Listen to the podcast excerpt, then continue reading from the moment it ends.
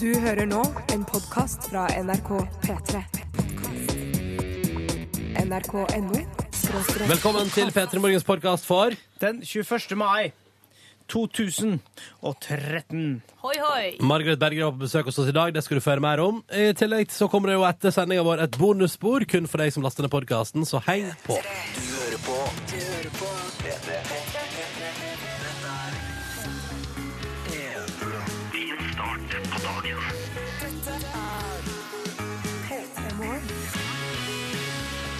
velkommen til virkeligheten. Den kom og smalt ut i fjeset ditt på tirsdagen. Hæ? Lol, lol, lol. Velkommen til P3 Morgen. Jeg heter Ronny.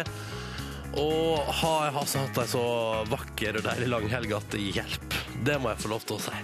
Hva er det du har gjort på det, da, mister? Drukket øl, selvfølgelig. Drukket øl. Jeg drukket altså øl til den store gullmedaljen. Um, Kosa meg. Sola meg. Lest bok på veranda. Oi. Det trenger ikke være mer enn det for at jeg skal føle på at det er luksus. At jeg satt eh, Søndag for eksempel satt jeg der, uh, chilla, holdt på å koke, koke, med shortsen på og leste i bok på verandaen min, og da var jeg happy. Det var Hva, godt nok for det meg. slags bok du driver på med nå? Nå driver vi på den der, så den heter Kafka på stranden. Ja, du har av han- drevet på med den ei stund. Ja, men jeg leser stort sett kun på tur, og nå har ikke det vært så mye tur i det siste. Hva heter han eh, japanske forfatteren der? Hakuri Rika Murakami. Se der, ja. Ja. Yngve kan det, vet du. Eh, bibliotekarsønn, da kan du forfatternavn. Ja. Mm. Eh, men jeg tror jeg sa det litt feil. Haku... Har... det er så vanskelig. Han er nå iallfall Han er ikke fra han er ikke, Murakami. Haruki. Haruka Murakami. Murakami. Han blir iallfall lest av mange, så dette vet, du vet hvem vi snakker om. Uh, OK, bare for å ta det, da. Yngve Ustadrett, hvordan har de langhelg vært? Uh, meget bra, upåklagelig, eller såkalt LOL, som, uh, som du sa, Ronny. Jeg har, det har vært mye skratting, verandasitting og utegrilling og ja, nytt Hva gikk der. du for på årets første grillmåltid? Kylling, altså sånn uh, svinribbeaktig greier. Det var ikke like heldig med den siste sistnevnte, men det var også ment som et lite tillegg. Du, Kylling satai på, grill, på grilling? Altså, er du du- helt ute? Nei! Det går fint, det. Jeg har spist satai-kylling og satai-orientert kylling for grill. Det tror jeg ikke du har gjort. Ja, er. Med Pensla med Ja, det må, saus. det må pensles, det, selvfølgelig. Ja, sant. LOL! Laugh at loud, Silje. Ja. Ja. Hva har du gjort på Jo, meg sjøl sola meg. Eh, tatt i bruk eh, den nye hagen min for første gang. Det var så deilig å ligge der. Og så ellers har jeg eh, trent litt, og så eh, sett mye på TV. Og spilt Julemania. Ja. Så sånn går det dagene. Jeg har endelig kommet til level 32 i Candy Crush. Jippi! Har dere vært litt sånn irritert for at sola har skint så sterkt at skjermen er vanskelig å se? Nei, det Nei. har gått helt fint. Oh, ja, okay. Men jeg så på Game of Thrones i går og uh, kjørte ned persiennene. Ja. Midt på dagen, og det var sol og Ja, men Det syns jeg skal være lov. Ja. Håper du der ute at det er fin langhelg også. Håper du er klar for en ny hverdag. Vi i P3 Morgen skal være her og starte den sammen med deg på radioen. Det er målet vårt. Fram til klokka ni i dag. Få besøk av eh, fjer en decent fjerdeplass i Eurovision Song Contest. Margaret Berger. Det var stas, altså.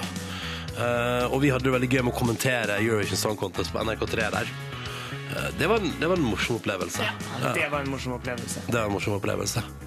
Eh, Men Margaret kommer på besøk til oss, i hvert fall. I Åttedraget. Det blir moro. Moro blir det også å spille Muse for deg nå. Dette her er Newborn 10 over 6. Og hvis du har lyst til å si god morgen, P3 1987. Newborn med Muse på NRK P3 i P3 Morgen kvart over seks. God morgen og god tirsdag. Vi er tilbake igjen i hverdagen, og det merkes. Og Heidi har satt oss oppe i hele natta. Melder på SMS her P3 til 1987. Få akkurat nå døgna for å bli ferdig med bacheloroppgaven sin i journalistikk. Eh, og det skriver hun nå her. skriver hun. Dette her er det siste hun gjør av skolearbeid i hele livet sitt ever. Og det må føles så bra! Men jeg vet jo akkurat hvordan Heidi føler det, fordi jeg har gjort det samme før på våren. Levert eh, bacheloroppgave, um, og det var det siste som skulle gjøres noensinne, følte jeg da. Og det tror jeg stemmer ennå. Mm. Jeg skulle fortsatt ønske jeg hadde muligheten til Jeg har jo aldri fullført et studie. Jeg mangler et år for en bachelor i et eller annet. Gud hjelpe meg, jeg vet ikke hva det egentlig er, det greiene jeg har tatt 120 studiepoeng i. Eller jo, det er 120, ja. Ja. Um, men der fikk jeg aldri følge på, fordi jeg leverte noe. Jeg på en måte et semester, og så bare begynte jeg aldri på det neste semesteret fordi jeg fikk meg jobb her. Ja. Og derfor føler jeg at jeg har gått glipp av den følelsen av å bevisst vite at når jeg trykker på send nå, så er jeg ferdig med skolen. Skjønner du hva jeg mener? Ja, for at du, i det du leverte dine siste ting, så visste ikke du at det Så skulle tok bli jeg det bare siste. sommerferie! Jeg tok ja. bare sommerferie, jeg! ja, det var ikke det siste du skulle gjøre.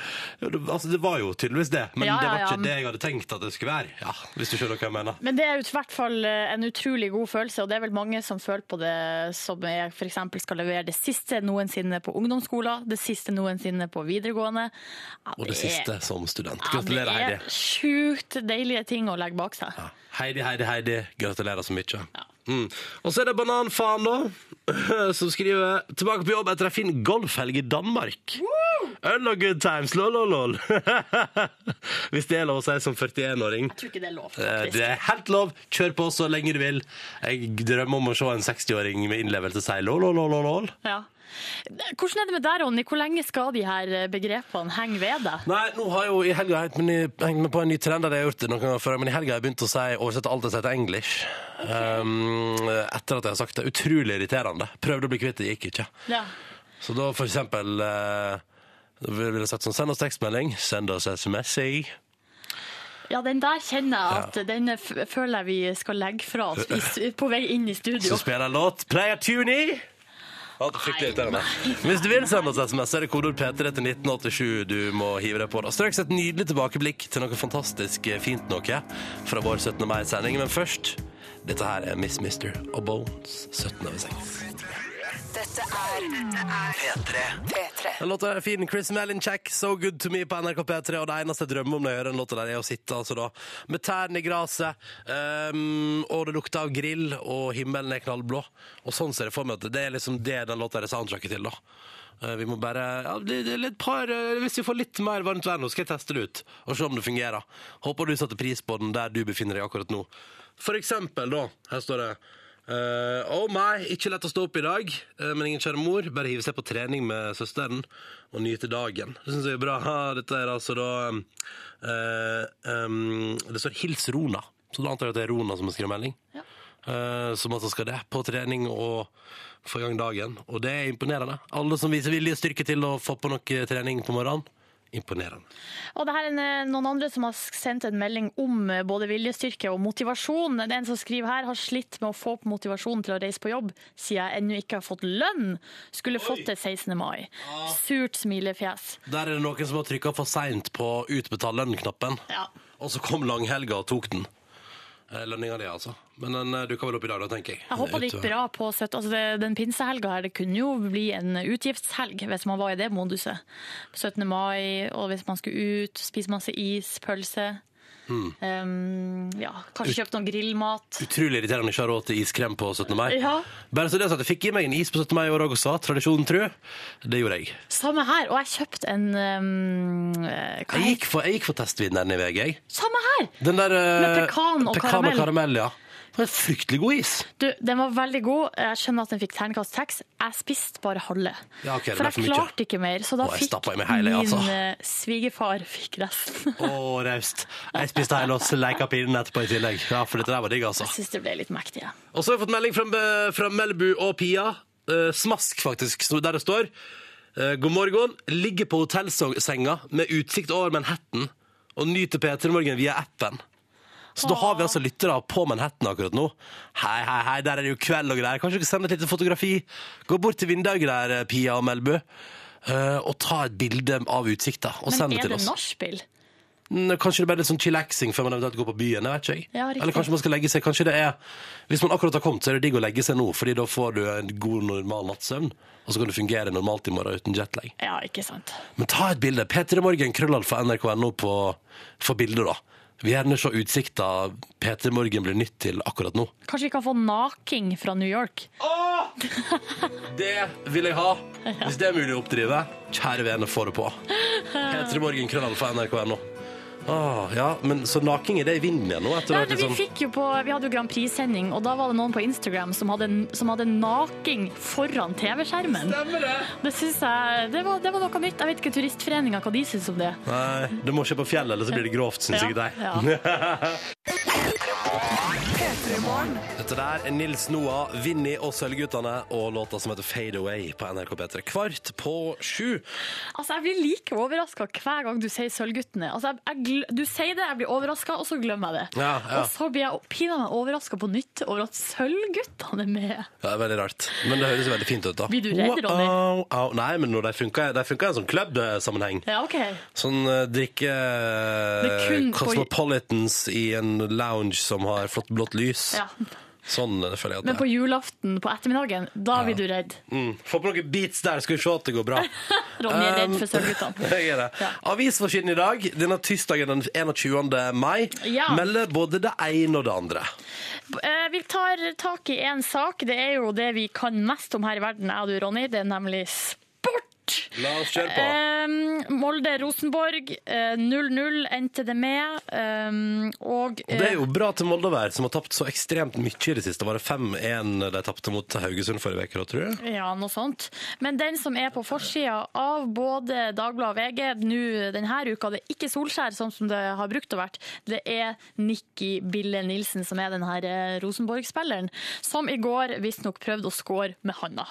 Så han får kritikk fordi at han kasta seg framover og rett og slett eh, hensa ballen i mål. Yes. Og, så, og det som alle reagerer på, er at han jubla etterpå. Sånn her Å, yeah, det er mål! Han Altså, tenkte vel kanskje hvis jeg bare kjører på, Ja. så kanskje jeg ikke blir tatt for det. Det er det folk reagerer på, fordi uh, man skal helst si fra. Mm. Og så um, har jeg jo også kommet over sakene, bare apropos Nikki Bille Nilsen. Vet du hvem han driver og dater? Nei, hvem da?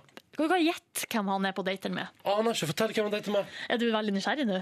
Ja, som passer. Fortell, da.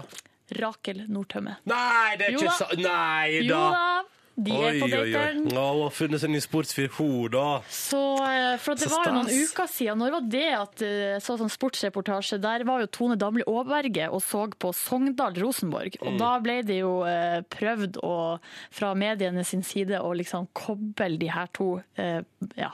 Men det var feil, for det var Nordtømme som var der. ja, det var Nordtømme som var der. Nei, men Gratulerer så mye. Så kjekt at hun er i vinden igjen, da. Jeg har savna hun i media den siste tida. Ja. Tenk sånn, Hvor er Rakel Nordtømme Ja, når du trenger henne? Hvor er, hvor er de daglige oppdateringene om Rakel Nordtømme? Åh, nå får vi det endelig igjen. Topp, topp, topp! Yes. Det liker jeg. Um, Aftenposten har si forside i dag. Uh, og det er jo en forlengelse av, fordi jeg ser at det er mye føss rundt og mye prat med media nå, at norsk film er så bra for tida. Mhm. Og nå er det blant annet hun Hva er hvordan uttaler navnet? Uh, Juliette Binochet? Ja, tror Er det riktig? Hun fra, hun er fra France, men hun har de klart å lure til å bli med og spille norsk film.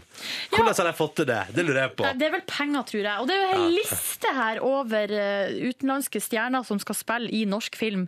Uh, og blant annet så skal jo Will Nei, ikke. Han heter Colin Farrell. Jeg sier alltid Will. Ja, Colin Farrell, ja. Colin Farrell skal være med i livet Ullmann sin nye film 'Miss Julie'. Yes. Og han, eh, han som heter Nicolai Coster Waldau, han fra Game of Thrones Ja. og Oblivion, han skal spille i 'A Thousand Times Good Night' av Erik Poppe. Jøss, Så hva er det som skjer? Nei, eh, det er jo en slags bølge, da. Har Velferds-Norge, oljenasjonen Norge, endelig kommet øh, til filmbransjen? Vi, bruker, vi bruker litt penger på dette. Selvfølgelig er jo Skuespillerforbundet i Norge skeptisk. Eller sånn. Det er jo en litt sånn rar utvikling at med en gang vi skal begynne å ta norsk film opp til nye høyder, Så må vi få inn utlendinger. Ja, så må vi få inn utlendinger. Det syns jeg er litt rart. Mm. Men vi ønsker iallfall Juliette Binochet og resten av gjengen og Colin Farrell og co. lykke til i norsk film, og håper at det blir en opplevelse for livet. Skal vi si det sånn? Ja. Ja. Dette var det viktigste fra avisforsidene. Det er en sak i Aftenposten om en 12-åring som gjør matte for 16-åringer, men det er jo stas for han. Odin heter han. Ja, er Odin kult. Nikolai. Gratulerer så mye til deg. All right. Uh, vi tar med oss litt musikk vi nå, eh, tenker jeg. Straks ti minutter på sju på denne tirsdagsmorgenen her. Dette her er Kent og deres maks 500 i P3 Morgen. Vil du si hallois? P3 til 1987. Hører på. Du hører på. Og så sa Silje Nordvik i låt sånn Var du så negativ til at han tolvåringen på forsida av Aftenposten der kan 16-årsmåte? Litt ut, det var ikke meninga. Ja, ja, OK. Nei, det var ikke meninga. Heldig han. Jeg tenker, Har vi en ny Magnus Carlsen? Eh, Spennende å følge med i utviklinga der. Ja, OK. Eh, sånn, da vi har også fått fått eh, en SMS. Eh, Vi snakka jo om at eh, norsk film driver og drar inn masse utlendinger for å eh, Det er sikkert for å få en ekstra boost internasjonalt. Og da er det en som skriver kan de ikke bare bruke Aksel Hennie sånn som alle andre? Er det noe galt med han plutselig? Kan Men- ikke han være med i 30 filmer til? Ja, men det er jo sånn at En av de her filmene som eh, driver og krydrer med utlendinger, det er jo den Pioner som handler om, om de her Nordsjødykkere. Ja, der er jo Aksel Hennie med og har hovedrolle. Mm. Og der skal jo han som heter Wes Bentley Jeg, jeg syns ikke han er så kjent, men han har i hvert fall vært med i eh, The Hunger Games og The American Beauty. Altså, Det ble litt feil å si at jeg ikke synes at han er kjent, for det er han jo obviously. Men jeg har ikke så mye kjennskap til han. Nei, det er helt, det er helt greit. Du, Tast-Guri, Ja. hva er det du driver på Følg med? med nå, følg med nå, følg med nå. For nå fikk vi Vi var jo Pia og um, Hvem var det? da? Pia Melbu. Og, Melbu og Pia eh, lå på hotellsenga og så utover New York og hørte på Peter i morgen. Og da bare sendte bilde. Og så har vi òg fått, mens vi er i gang der, eh, fått fra Vestein, som altså sender fra leiligheten i um, eh, Lobito i Angola. God morgen til dere hjemme i Norge. Så nå lager jeg et album på Face, foreløpig med to bilder, som heter Jeg har kalt albumet for Lytterutsikt. Fotografi eh, av utsikta til P3 Morgen-lyttere i utlandet. Så nå trykker jeg på der, sånn nå blir det album på Facebook-sida vår. Og jeg vil gjerne fylle på med flere bilder i løpet av morgenen. Så hvis du er i utlandet og hører på oss, ta et bilde av utsikta di akkurat der du er nå, og send til p3morgen krøllalfa nrk.no.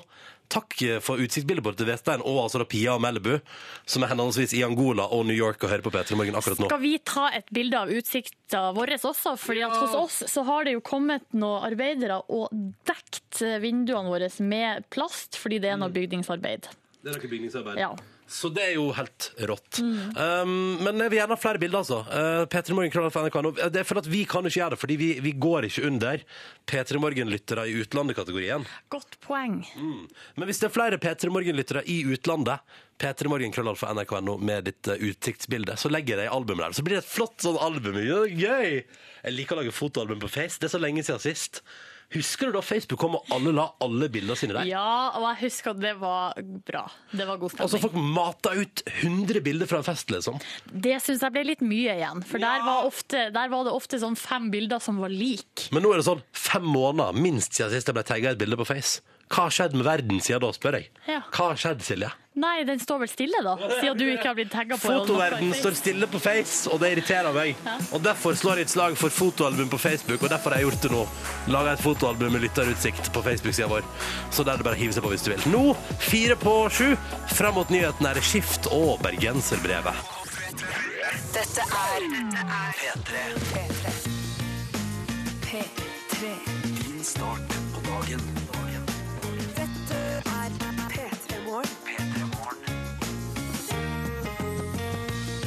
Hei og velkommen tilbake til hverdagen til deg som er våken og som hører på NRK P3. Enten du nå sitter i bilen din og den putter av gårde på en eller annen vei på vei mot et eller annet fint. Jobb, forhåpentligvis. Eller skole. Og til alle dere som sitter og sliter nå med innspurt på eksamen og drit, lykke til. Dette går bra. Og snart kan dere ta velfortjent sommerferie. Og hallo til alle som er i senga si nå. Som har muligheten til å fortsatt ligge og slumre litt. Grann. Velkommen til P3 Morgen. Det er en helt eh, vanlig tirsdag, faktisk. Det er ingenting spesielt med den dagen her. Skal vi si hallo til de som er på badet òg? I Kan dusjen og sånn. Hei, hei. Hallo! What's up, what's up? What's up in the bathroom there?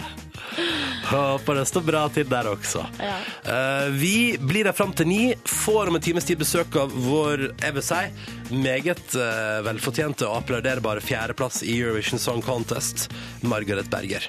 Det blir stas. Hun kommer direkte fra TV-opptreden i Tyskland, innom oss på vei hjem til Trondheim for å lande etter sirkuset som jo har vært Eurovision Song Contest. Ja, det er bare å begynne å sende inn spørsmål allerede nå hvis du sitter og grunner på noe. Det er kodeord P3 og til nummeret 1987. Og så driver jeg og lengter etter flere fotos uh, av utsikta hvis du sitter og hører på oss, eller ligger og hører på oss, eller står og hører på oss i utlandet. For jeg har laga et galleri på Facebook-sida vår, nemlig. Eh, som altså heter Fotos Nei, er? Lytterutsikt. eh, og f- fotografi av utsikta til P3 Morgen-lyttere i utlandet. Hittil har vi bare fått to, så det betyr at vi har altså én lytter i Angola, og så har vi to stykk på Manhattan, og det er det vi har. Å ja, og Silje Nordnes er fra Norge. Og Manhattan har lyttere der på Manhattan. Da, vet du. Det er kjempekos. Uh, Så jeg er klar for å oppdatere det bildegalleriet etter hvert med enda flere foto. Så hvis du hører på oss i utlandet, P3 Morgen, krøllalfa.nrk.no med utsiktsbildet ditt. Så blir vi altså kjempeglade for det. Straks så skal vi Altså, det er greit, det var helligdag i går. Da bare flytter vi ting fra i går til i dag. For eksempel mm, oppsummering av de beste overskriftene i nyhetene fra forrige uke, som Yngve straks skal ta tak i her på NRK P3. Det er bare å glede seg. Hvem er på topp tre denne veka? Følg med etter Red Hot Chili Peppers og Road Trippin'. Kine hører på oss i bilen utenfor skolen sin, klar for siste eksamen. Lykke til, Kine, og god morgen til deg. Og til alle andre der ute i lytterland og utland. Vi har også fått et bilde av en Mokkamaster og litt utsikt fra Stockholm i Sverige. Og det er Elise som har sendt det til oss på e-post. Tusen takk, og hallo, Stockholm! Håper alt så bra til.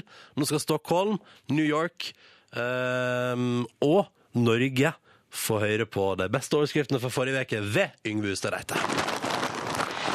Eple kan utnyttes til så Ingjerd og Gurine Rui. Det er ikke så lett å sette fiskevær. Det er grytidlig og grisekaldt på Ask utenfor Hønefoss.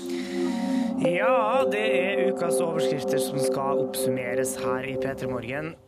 Det er jo tirsdag i dag, eh, men eh, det var jo lang helg, så vi må, vi må ta med, legge med gårsdagen her. Ja, Så gårsdagens overskrifter er også kvalifiserte. Ja, de er det, fordi at eh, jeg vil si at når, når det er lang helg, så er uka bare litt utvida. Så det er altså fra 13. til og med 20. mai som, som skal oppsummeres her. Yngve er klar! Ja, vi begynner jo med den mest åpenbare, eh, men kanskje litt sånn ferdig snakka, jeg vet ikke helt. Har funnet lykken med sexprogramleder! Ja, og det er god stemning, sier Peter Ronny. Det er Dagbladet som er ute med den her. Eh, Det er P3 Ronny, altså Ronny Brede Aase, som jobber sammen her, eh, som har blitt sammen med en sexprogramleder. Vil du lese saken, så er det bilde av Ronny i slåbroken sin. Eh, og bilde av sexprogramlederen som holder en banan. som et slags fallos. Eh, men det er, den, den er på bobler. Eh, oh ja, den kvalifiserer ikke til topp tre, den der. nei, altså det er mer saken som er morsom der, da. Ja, ja, ja, ja. Klassisk mai-sak her. Noen Nok en bobler. Jagde bort 300 russ. Stakkars folk. Eh, altså, politiet har jaga i, nå i snart en måned, eh, og nå må de få fred snart. Men de har endelig bråkt fra seg nå, da, russen. Ja, Nå er det over. Nå Ja. er russedressen pakka ned og forhåpentligvis eh, kjørt en runde gjennom vaskemaskina. Ja. Kanskje kasta eller brent òg, til og med. Det kan være Du vil få, altså, på, bare så det er sagt, til Du får russ... aldri bruk for den igjen. Jo, til alle russ som hører på, det, blir, kom, det kommer til å bli arrangert russefest når du studerer på Ja. høyere Ja, men det burde man ta og tenke seg om to ganger Pinlig før man blir med på. Jeg har vært med på det, det var kjempegøy! Jeg tviler ikke, Ronny, at du som 24-åring har sittet og drukket pære og tissa rundt omkring. Og hvis rumpa di til hele Førde sentrum Hei! Nok nå! Surrehuer lover groovy sceneshow på 17. mai. Jeg skal ikke gjette alderen på denne uh, journalisten som har laga overskrifta. 90 år. Ja, men det er ikke uten grunn, fordi bandet som skal lage groovy gr- sceneshow, det er Dizzie Heads. Hva er disse heads?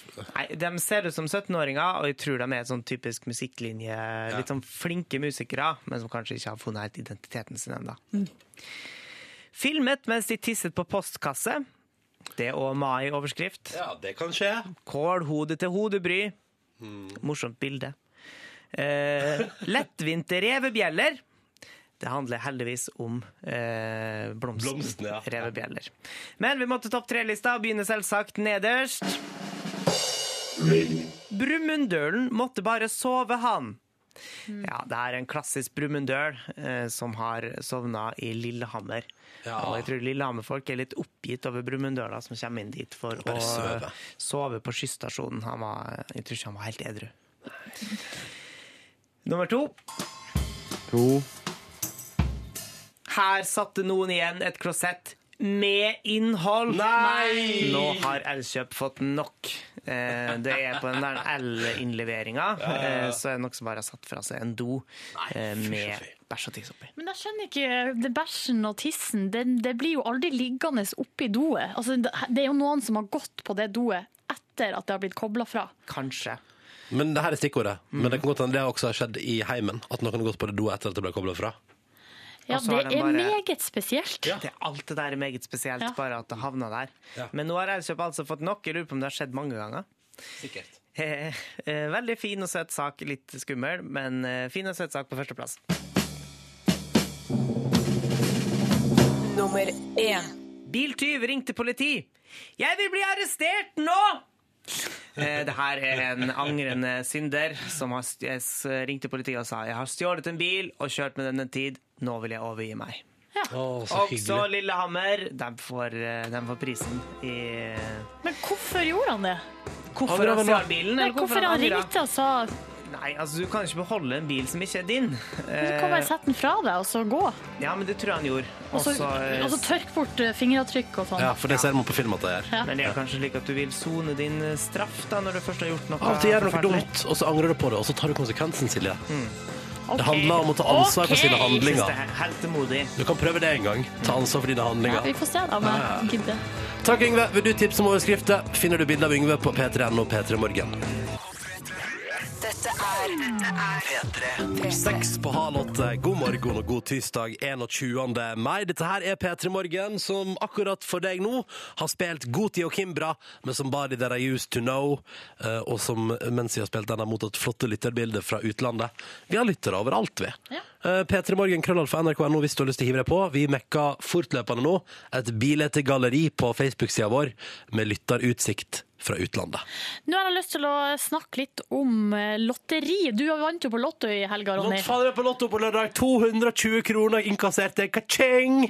Skal du oppsøke rådgivning nå for å finne ut hvordan du skal få brukt Jeg pengene? drev og fantaserte om hva jeg skulle bruke, bruke pengene jeg vant i Lotto på i går. Skal jeg Ja. kjøpe meg en bil, et hus kanskje? For de 220 kronene blir det til at jeg bruker dem på øl, tenker jeg. Ja, det blir vel fort det. Nei da, det var jo ikke din lotterigevinst jeg skulle snakke om, Ronny. Det er eh, den her eh, det Powerball-lotteriet i USA. 3,5 milliarder kroner i gevinst. Er det Det noen er som for har mye vunnet? penger, det er for mye penger faktisk. Ja, og så er det bare å lese i VG i dag at eh, det er så komisk, for de vet jo nå hvor akkurat hvor loddet ble solgt. Det har blitt solgt på Publix Food and Pharmacy i en bitte liten by som heter Zephyr Hills i Florida. 13 000 innbyggere er det der. Um, så de vet at vinneren antageligvis er, uh, bor der, eller er derfra rundt om i, uh, i området. Men de vet ikke hvem det er ennå.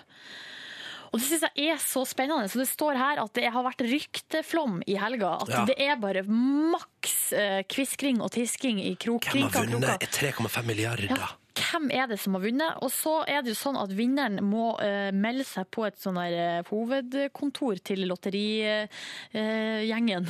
Lotterigjengen. Eh, og der må vinneren melde seg, og så skal den på en måte godkjennes. Og da vil identiteten bli offentliggjort. Og det, det tvinger det til å bli offentliggjort. Ifølge lovverket i Florida så får vi da navn, alder og hjemby vil bli gjort Nei. offentlig. Det vet hva det kunne, jeg kunne på ingen måte tenke meg at folk visste det hvis jeg vant 3,5 milliarder kroner. Men det er det som kommer til å skje her, og det er derfor jeg tror at, at de bare sitter nå borte i USA og bare dirrer i forventning, og ryktene har allerede begynt å gå. Det er en her som skriver «Hei, Jeg har hørt at det er en 26 år gammel jente som har vunnet. Eh, Og andre sier nei, de har hørt at det er en gammel kall på eldresenteret som har vunnet.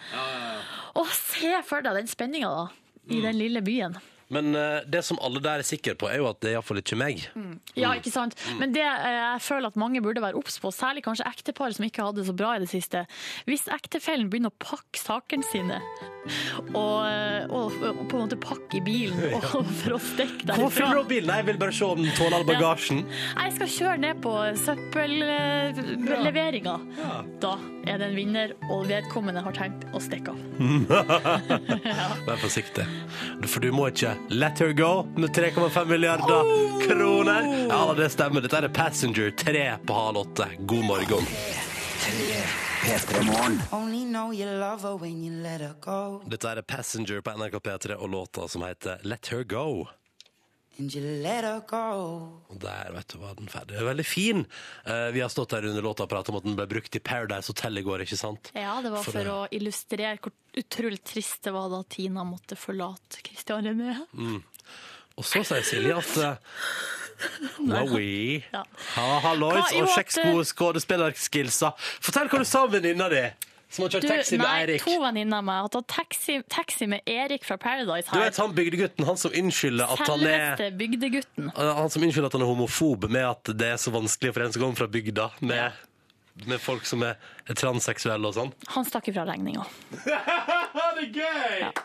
Ah. Men det var bygdegutten det da, som ikke hadde lært seg hvordan han skulle bruke eh, kortet Ja, sitt. ja, selvfølgelig. selvfølgelig. Ja. Det blir for mye for bygdegutt vet du, å bruke kortet sitt i taxibil. Og det blir vel masse om at Eirik stakk fra regninga i P3 Nyheter, Even Nilsen. Nei, nei, bare kødda. Bare kødda. Åtte minutter over halv åtte. Dette er Sara Larsson som synger låta 'Uncover' i P3 Morgen. Og som kommer til det store Rådhusplassen-showet, Topp 20, i midten av juni i hovedstaden. Da er det bare å glede seg til at hun skal framføre den her for oss live, da.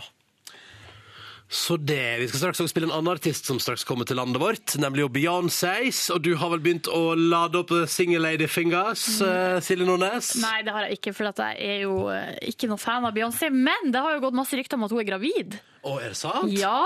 Men har ikke hun òg drevet avlyst konserter ute i Europa? Jo, nettopp Ai. derfor har det gått rykter om at hun er gravid. Og så Aha. har hun vært ute og på en måte Hun var ute med Jeg fikk ikke helt med meg hvor det var, men det var sikkert lagt ut på Instagram eller på sin Facebook-side eller et eller annet sånt.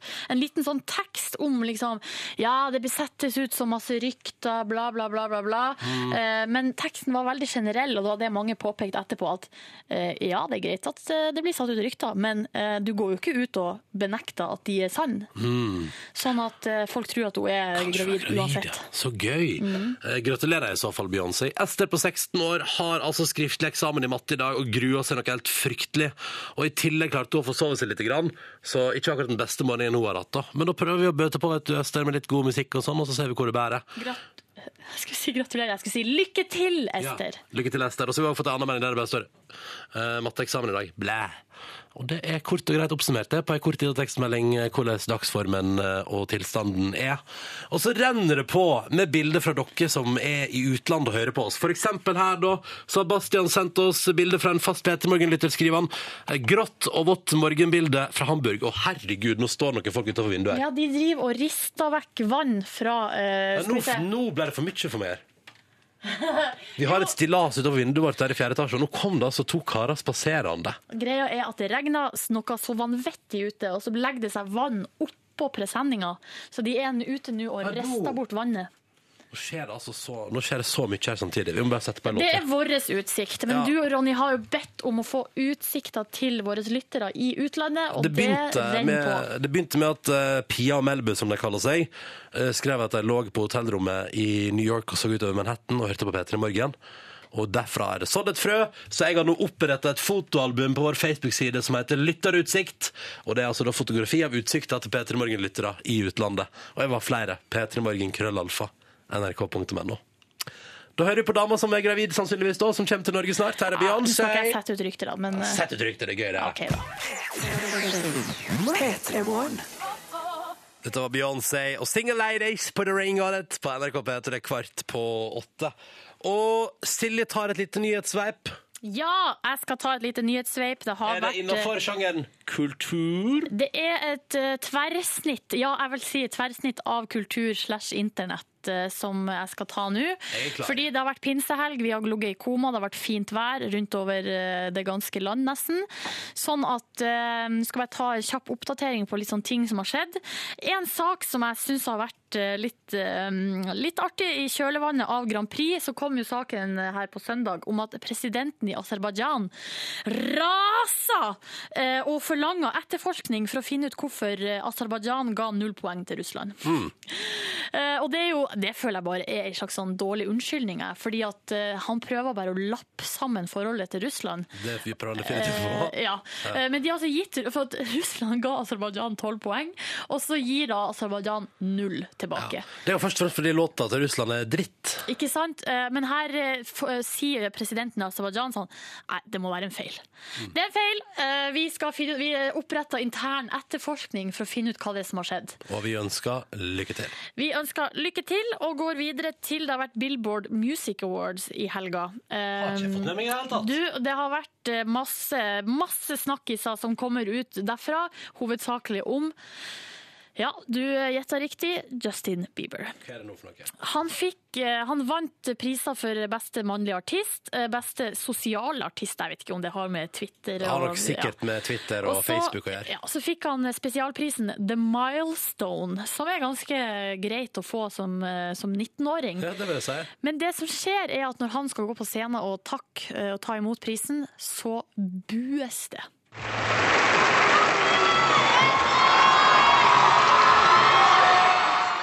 Ja, du hører det litt der. Altså, det er noen som roper og skriker, men det er rett og slett buing i publikum. jeg må høre på det en gang til. Ja, eh, sett det på en gang til. Uh, skal vi høre? Jeg hører at det er buing i bakgrunnen der, ja. Ja, det bues, og så kan vi høre fra Justin eh, Han blir ganske ukomfortabel på scenen og eh, begynner å eh, rote seg ut i en lang forklaring. Og vi hører et lite klipp her. I'm an, I'm an artist and I, I, I should be taken seriously and, and, and this all this other bull should not be, be spoken of. Ja, um, der hører vi at han, han høres ikke helt komfortabel ut. Nei, det er han ikke. Så er det noe annet som har kommet ut fra denne prisutdelinga, og det er noen backstage-bilder. For at der har de altså hatt et kamera backstage som har stått og filma uh, under hele holoisen. Og der er det et eh, artig klipp som har kommet ut av at Justin Bieber står der og eh, har masse eh, folk rundt seg, og så kommer plutselig Taylor Swift og Selena Gomez. De kommer hand i hand inn, eh, for de satt i lag under showet. Eh, Og så eh, går altså Selena Gomez rett bort til Justin Bieber og gir han et kyss på kinnet. Og der fanger altså kameraene opp noen ansiktsuttrykk fra Taylor Swift som viser eh, det, altså, det går ikke an å legge skjul på hva hun altså, Tunga er ute, og nesa oppe og rønker seg. Å, hun liker ikke det? Hun bare gjør sånn «Øh». Sånn ansikt setter hun opp! Og så, uh, så det er all over internett akkurat nå. Masse gifs å kjøre uh, av at Taylor Swift uh, rønker på nesen og lager surtryne. Ah. Så um, sånn er det. gratulerer med surtrynet. Du, skal vi ta med én siste sak? Ja! Har du, husker du Tanning Mom? Det er hun som har tenna. Eh, Ja, det var hun som dattera på fem år. Ble arrest, mora ble arrestert for at hun visstnok hadde med seg dattera si på fem år inn i Solstudio, og så eh, var det jo masse videoer av mora etterpå, så var hun jo noe av det bruneste man Noe har sett. bruneste. Ja. Eh, Fordi hun hadde tanna så mye, og nå har jo hun blitt en slags sånn nasjonalklovn borte i USA. Nei, har eh, lagd en låt som heter Tanning Mom, Nei. og nå har låta endelig fått en video. Skal vi høre på låta litt? Må vi? Ja, vi må det. It's Tad Mom, bitch. Are you ready? It's Patricia, bitch. Here I come. I've Oh, got a message to use protection from the sun. Ha ha ha ha. Oh yeah! Eh, Den verste låta ever, og det her videoen som kom for noen dager siden, blir altså kalt den verste videoen som noensinne har blitt lagd. Det tror jeg på. Jeg skal selvfølgelig legge det ut på Facebook-sida vår. Jeg as we Gleder meg til å ikke se på den. Scream and Shout med Will og Britney. Klokka den er tre minutter på åtte. Du hører på Etter morgen. Det er tirsdag den 21. mai, og alt er tilbake til normalen etter lang helg. Ja, og Vi snakka i stad om Billboard Music Awards, der det skjedde så mye artig. Det var Justin Bieber ble bua ut. Taylor Swift eh, viste sin eh, misnøye med Selena Gomez og Justin Bieber. Så har jo folk bidratt på SMS her, fordi eh, det var jo noen ting som jeg hadde glemt, som vi obviously eh, er verdt en mention. Sånn som, her er det en som skriver Hallo, hva med han der R&B R&B-duden som teabagga to jenter da han skulle hoppe på scenen? Hva for noe? Har du ikke? Altså, det er han Miguel, den her hipsterstjerna. Ja, hva er det han har gjort nå? Nei, han skulle jo hoppe. For det var sånn der, eh, sånn der eh, Hva det heter sånn, det går ut i publikum. Ja, catwalk, ja. Ja, en slags catwalk ut i studio, nei, ut i publikum. Der fikk han det for seg under opptredenen sin at han skulle hoppe fra den ene til den andre, eh, ca. to meter, der han da landa liksom med ræva oppå hodet til to Nei, jenter. Nei, nei, nei. Jo, det er ikke helt bra. Og så skriver Anne hallo Nei, hun skriver hei! Ikke glem Morten Harket, som sang med Pitbull og Christina Aguilera. er det sant? Ja! eh, Christina, de har jo sampla Take On Me her på den der Ja, ja, ja, på den der forferdelige låta si. Unnskyld meg, den er skikkelig dritt. Ja, den er nok- fikk jeg sagt det òg. Ja, eh, der eh, har de, de hadde opptreden, og der plutselig Morten Harket kommer ut på scenen. Nei. Jo, til stående applaus. Det Det er kjempegøy! dødsgod stemning. Så eh, det var mye Da skal, jeg til og med, da skal jeg lide meg gjennom den låta der for å se det, kjenner jeg. mye som skjedde i helga. Alt jeg ikke har fått med meg fra Billboard Music Awards, ass. Vi gjør det på Gabrielle, vi, fram mot nyhetene på P3.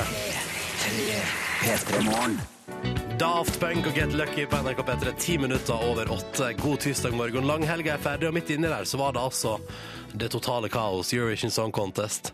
Og vi kaprer altså en så eh, latterlig bra fjerdeplass med deg, Margaret Bergel. Velkommen til P3 Morgen. God morgen! Og velkommen tilbake til Norge. Hvor det går med deg? Du, det går kjempefint. Litt eh, underskudd på søvn, litt eh, sånn sliten, Ja. men utrolig lykkelig. Ja, men det bør du være. Ja.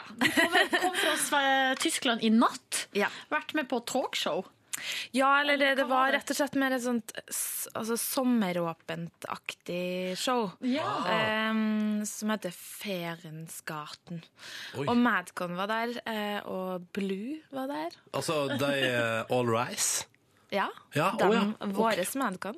Eh, og det var, det var et stort TV-program, så det var veldig gøy å dra rett dit etter Eurovision. Det var liksom, ja, det, her, det stopper ikke her, nå er ut og erobre Europa. Så deilig. Ja. Eh, men nå er du tilbake igjen. Du, hvordan var det på lørdag? Du, jeg var, lørdag var faktisk den eneste dagen jeg var ganske nervøs. Du var det, ja. Du så ut som du hadde steinkontroll. Ja, men jeg fikk kontroll over nervene. Men på et, altså, en time før jeg gikk på scenen, så, så var jeg sånn Altså, må man egentlig gjennomføre det her? Kan det bare stoppe nå? Det kan man jo ikke.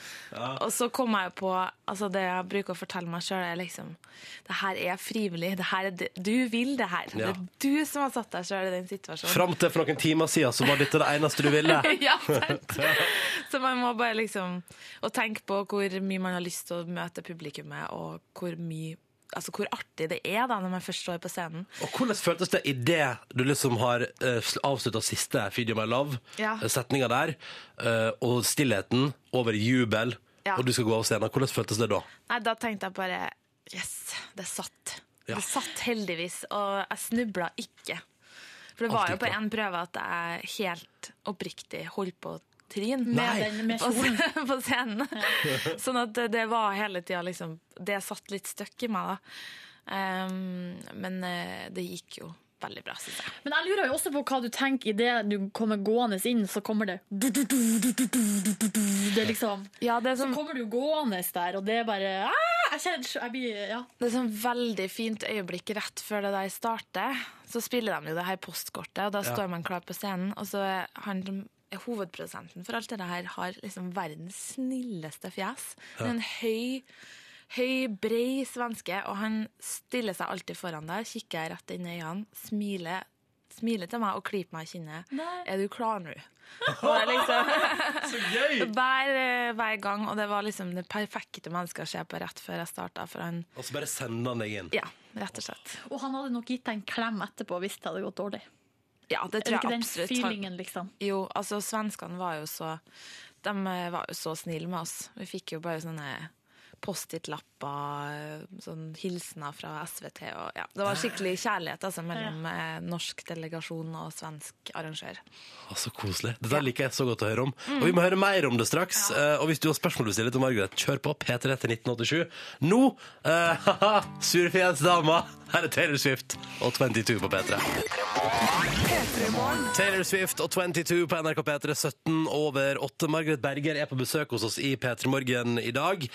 Direkte fra Tyskland, der du har gjort et TV-show etter at du da på lørdag kom på en deilig Det må da være fint å komme på topp fem i Eurovision Song Contest. Ja, det er stort, altså. Og Ja. det, er en, det er enda større enn man kanskje tror her i Norge. For at når du er der, så skjønner du Her er det 39 land, og alle tror at de skal vinne.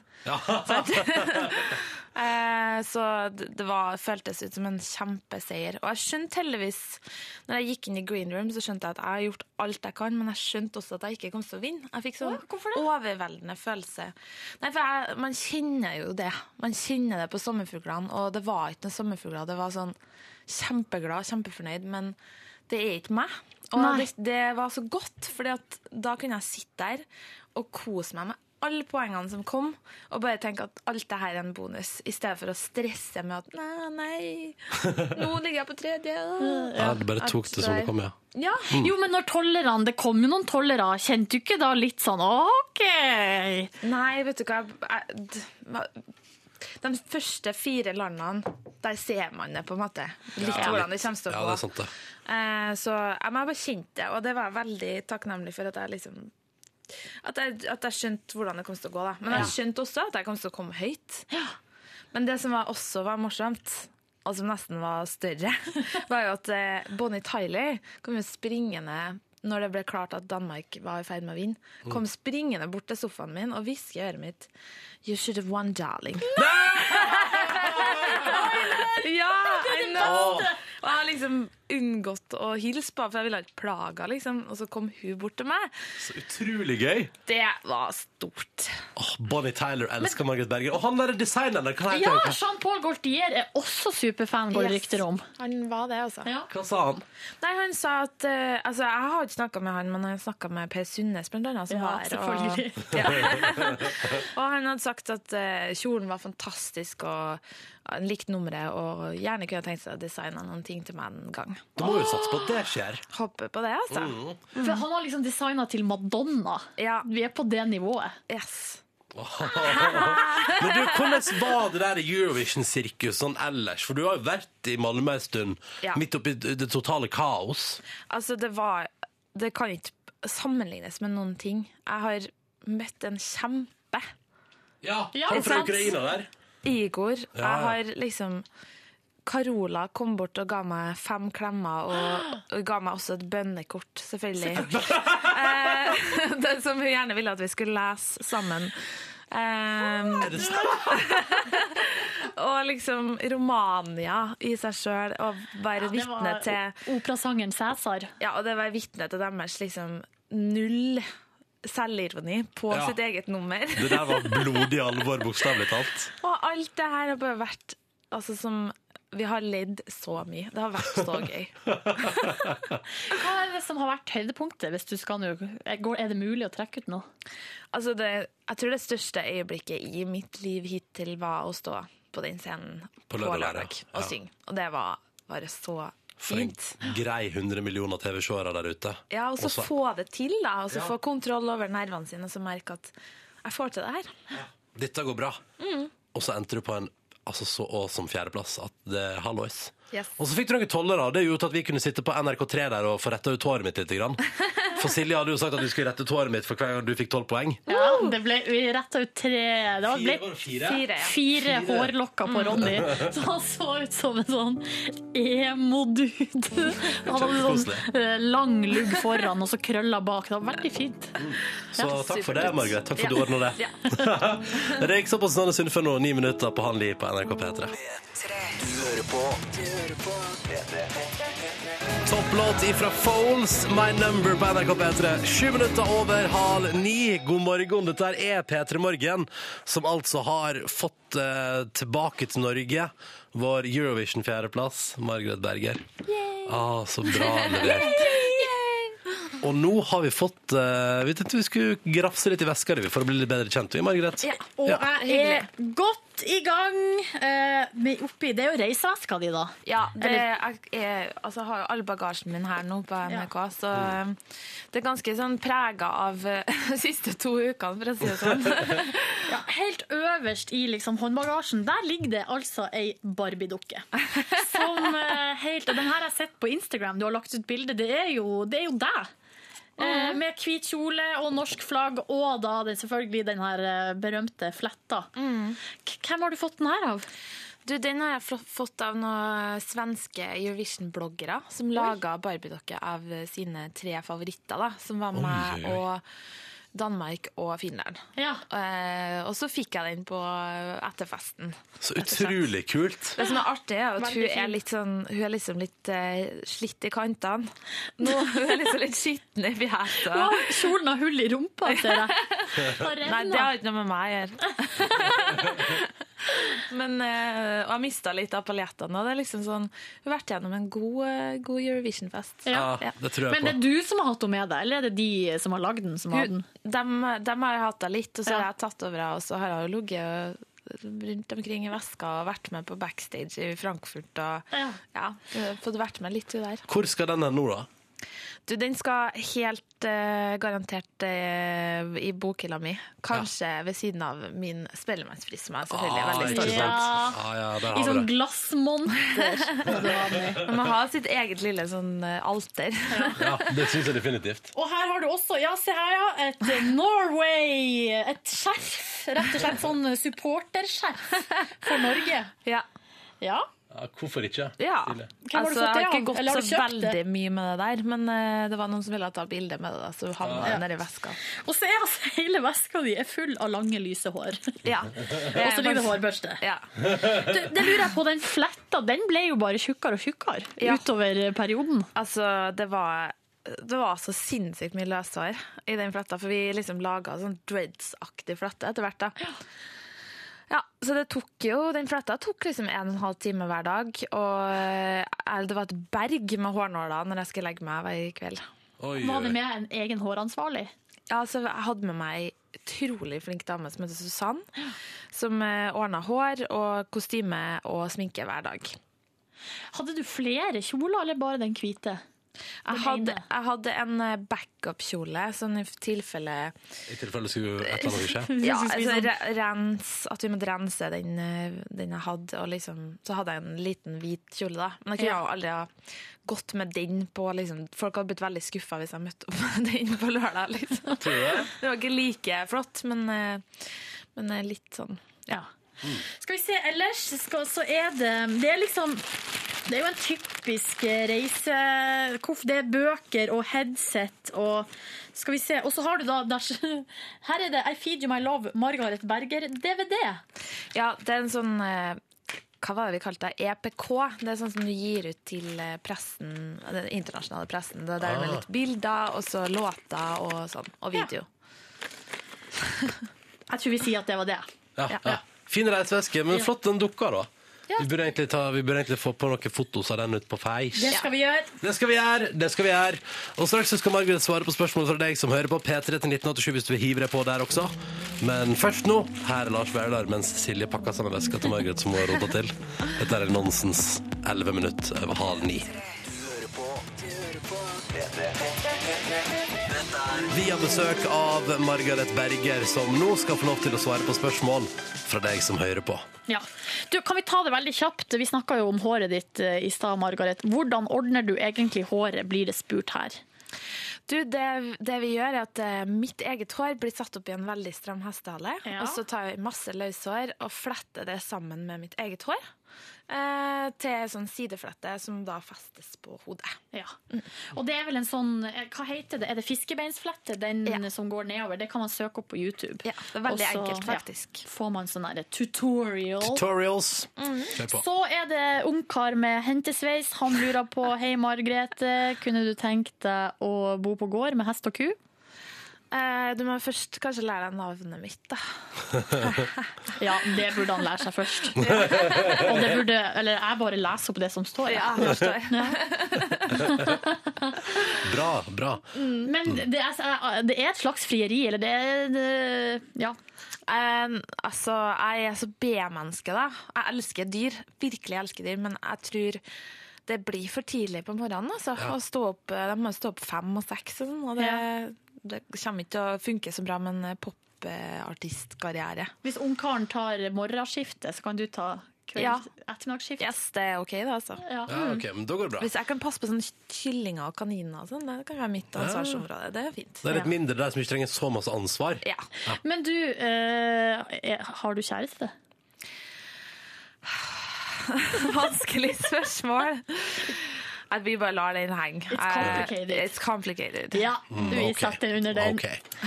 Stigegutt, han lurer på Hei, Margaret. Han kan navnet ditt, da. Ja. Hvordan er en perfekt sommerdag for deg? Eh, åh, det er rett og slett eh, selvfølgelig at det er godt vær. Eh, akkurat så passe varmt at du kan gå i kjole og Converse. To korona i veska. Ja! Eh, Det er bratt. pledd. Sette seg i park. Kanskje liksom dyppe føttene i litt vann, hvis man kan det. Og så eh, bare være der med noe Og så kommer, og så, og så kommer vennene dine litt sånn random tilfeldig. Så havner man plutselig sånn Oi, plutselig var vi 20 stykker, skal vi gå og kjøpe en engangsgrill? Ja. Mat. Altså når alt er veldig spontant. Ja. Det syns jeg er gøy. Når sommerdagen bare flyter. Ja. Er du sånn som bader? Eller er du Ja. hærig, som vi sier? Jeg var utrolig tøff og liksom ute i vannet med en gang det var vår, men eh, nå har jeg blitt litt pingle på det der, egentlig. Hva har du kalte det, Silje? Hærig, det er om du eh, går ut i vann, om du er- syns det er deilig å bade når det er kaldt. Ja. OK. ok. Jeg er ikke særlig hærig. Alle gjestene våre må innom én ting på tampen, nemlig vår spørsmålsrulett. Der har vi en bolle med 15 papirlapper oppi, og på hver papirlapp står det et tall. Ja. Ja, les opp tallet. Oi! Det her var jo startnummeret i semifinalen. Nummer 13. Oi! Og også et ulykkestall. Nei, det syns du... jeg. Nei, okay. Nei, nei, okay. Nei, det gikk jo bra. Eh, Her er spørsmål nummer 13 i vår rulett. Hvor mye har du på konto? Akkurat nå tror jeg jeg har 5000. 5000. Ja. Ja. Men alle utgifter er betalt, på en måte. Så det er 5000 til spend. Men oh. Ikke, ikke akkurat rik. nei. Hvordan er du med økonomi? Jeg er sånn passe Altså, jeg er ikke så opptatt av penger. Jeg sånn, betaler regningene mine, ja. Og så eh, koser jeg meg med resten. Og hvis det skulle bli litt tomt på slutten av måneden, så har ikke jeg noe mot å spise litt suppe og nudler hvis jeg har kunnet kose meg litt tidligere i måneden. Du sa i stad at du skulle hjem og gjøre selvangivelsen eller ligninga. Ja. Ja, jeg skal det. Sånn. Har du orden i papirene der? Nei. Det er gøy at du skal rett fra det totale Eurovision-sirkuset og bare kos til ja, hjem til Trondheim og gjøre selvangivelsen. Ja. Lykke til! Det må jo det. Ja, ja, det kommer også sånne dager. Uh, Margaret Berger, tusen takk for at du stoppa innom P3 Morgen på vei hjem igjen fra Eurovision-kaoset. Og god sommer når den tid kommer, og lykke til videre. Tusen takk. Vi spiller Puff Daddy, Faith Evans og hele gjengen med I'll Be Missing You. Vi er nå på NRK P3. Snart ti minutter på ni. Dette er P3. Puff Daddy, Faith Evans og gjengen deres I'll Be Missing You på NRK P3 når klokka nå er åtte minutter på ni. Og vi har uh, skutt seg bytta ut uh, Margaret Berger med deg, Yngve Ustadreite. Ja, eh, vi holder eh, The Beauty på topp. Altså, det, er, det, det står ikke, jeg går ikke av veien for eh, Altså, jeg er like vakker som Margaret. Jeg er ikke Du har jo også på deg en kjempetrang hvit kjole Ja. for anledningen. Det, det stemmer. Ja. Du, eh, Ronny og Silje, vi er jo, det er en slags mandag. Eh, det er like etter pinse, og vi må gå halvt igjennom hva slags uke vi er i. Ja, sånn, Det ja. ble jo en ny tradisjon etter påske, dette her. Eh, og vi er jo ferdig med den nasjonale uke, som egentlig bare var ei partyuke uten like. Ja, jeg Eh, definitivt omdøpt etter den store, store partyveka 2013. Ikke sant? Og etter den søte kløe så kommer ikke akkurat den sure svie, men vi må gi oss halvveis med Jeg skal bare spille et lite klipp fra hva vi nettopp har gått igjennom. Det er ganske mange av oss, eh, eller av dem som hører på. To, tre, fire! Nå skal vi spise russekortet vårt! Nå er det Tryvann siste helg. Vi kommer aldri oppleve det igjen. Jeg begynner nesten å gråte, liksom. Jeg vil aldri hjem herfra. Elsker deg, Tryvann! Det her har vært russefeiringa i 2013, kort oppsummert. Eh, og vi har ikke gått helt av, av veien for å ha litt party, vi heller. Det har jo òg vært eh, Melodi Grand Prix, eh, og i tillegg en grillbonanza av ei eh, sommerpinse.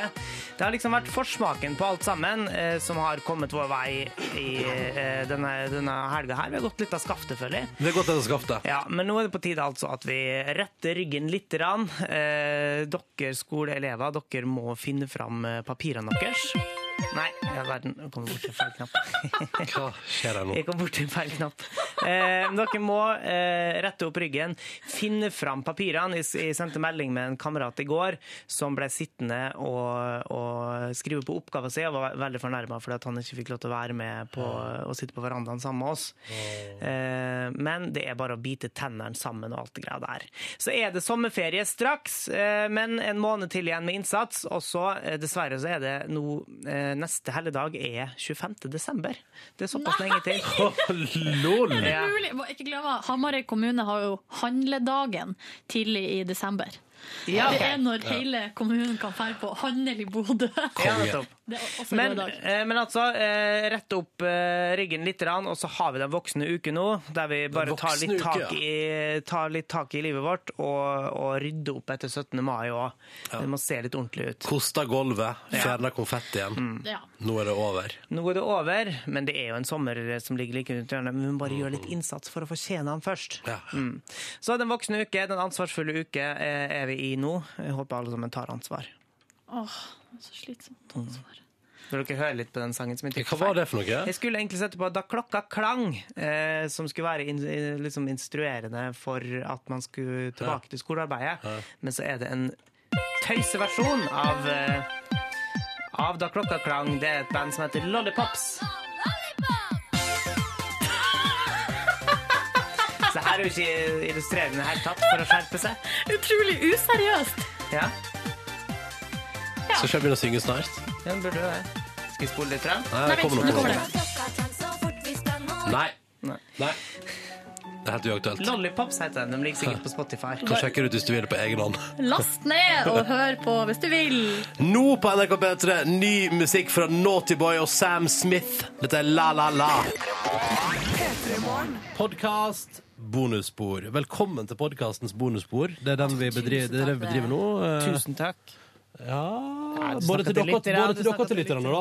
Begge deler. Både jeg og Sigrid bruker jo fast å laste ned podkastene og Ja. høre alle sammen. Ja, sånn føler det tror jeg på. Vi gjør jo ikke det. Jo, det er dere. Av og til så kan de faktisk ta meg sjøl i å høre litt Mm. på en P3 Morgen-podkast, bare for liksom å ta sånn, eh, huske på hva vi har gjort. Ja. Men eh, ikke så veldig ofte.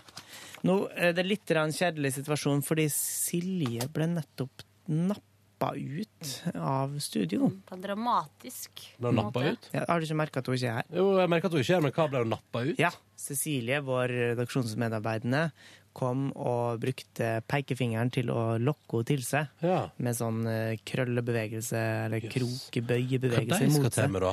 Nei, det var et, noen et minutt eh, de måtte ha og prate litt. Ja.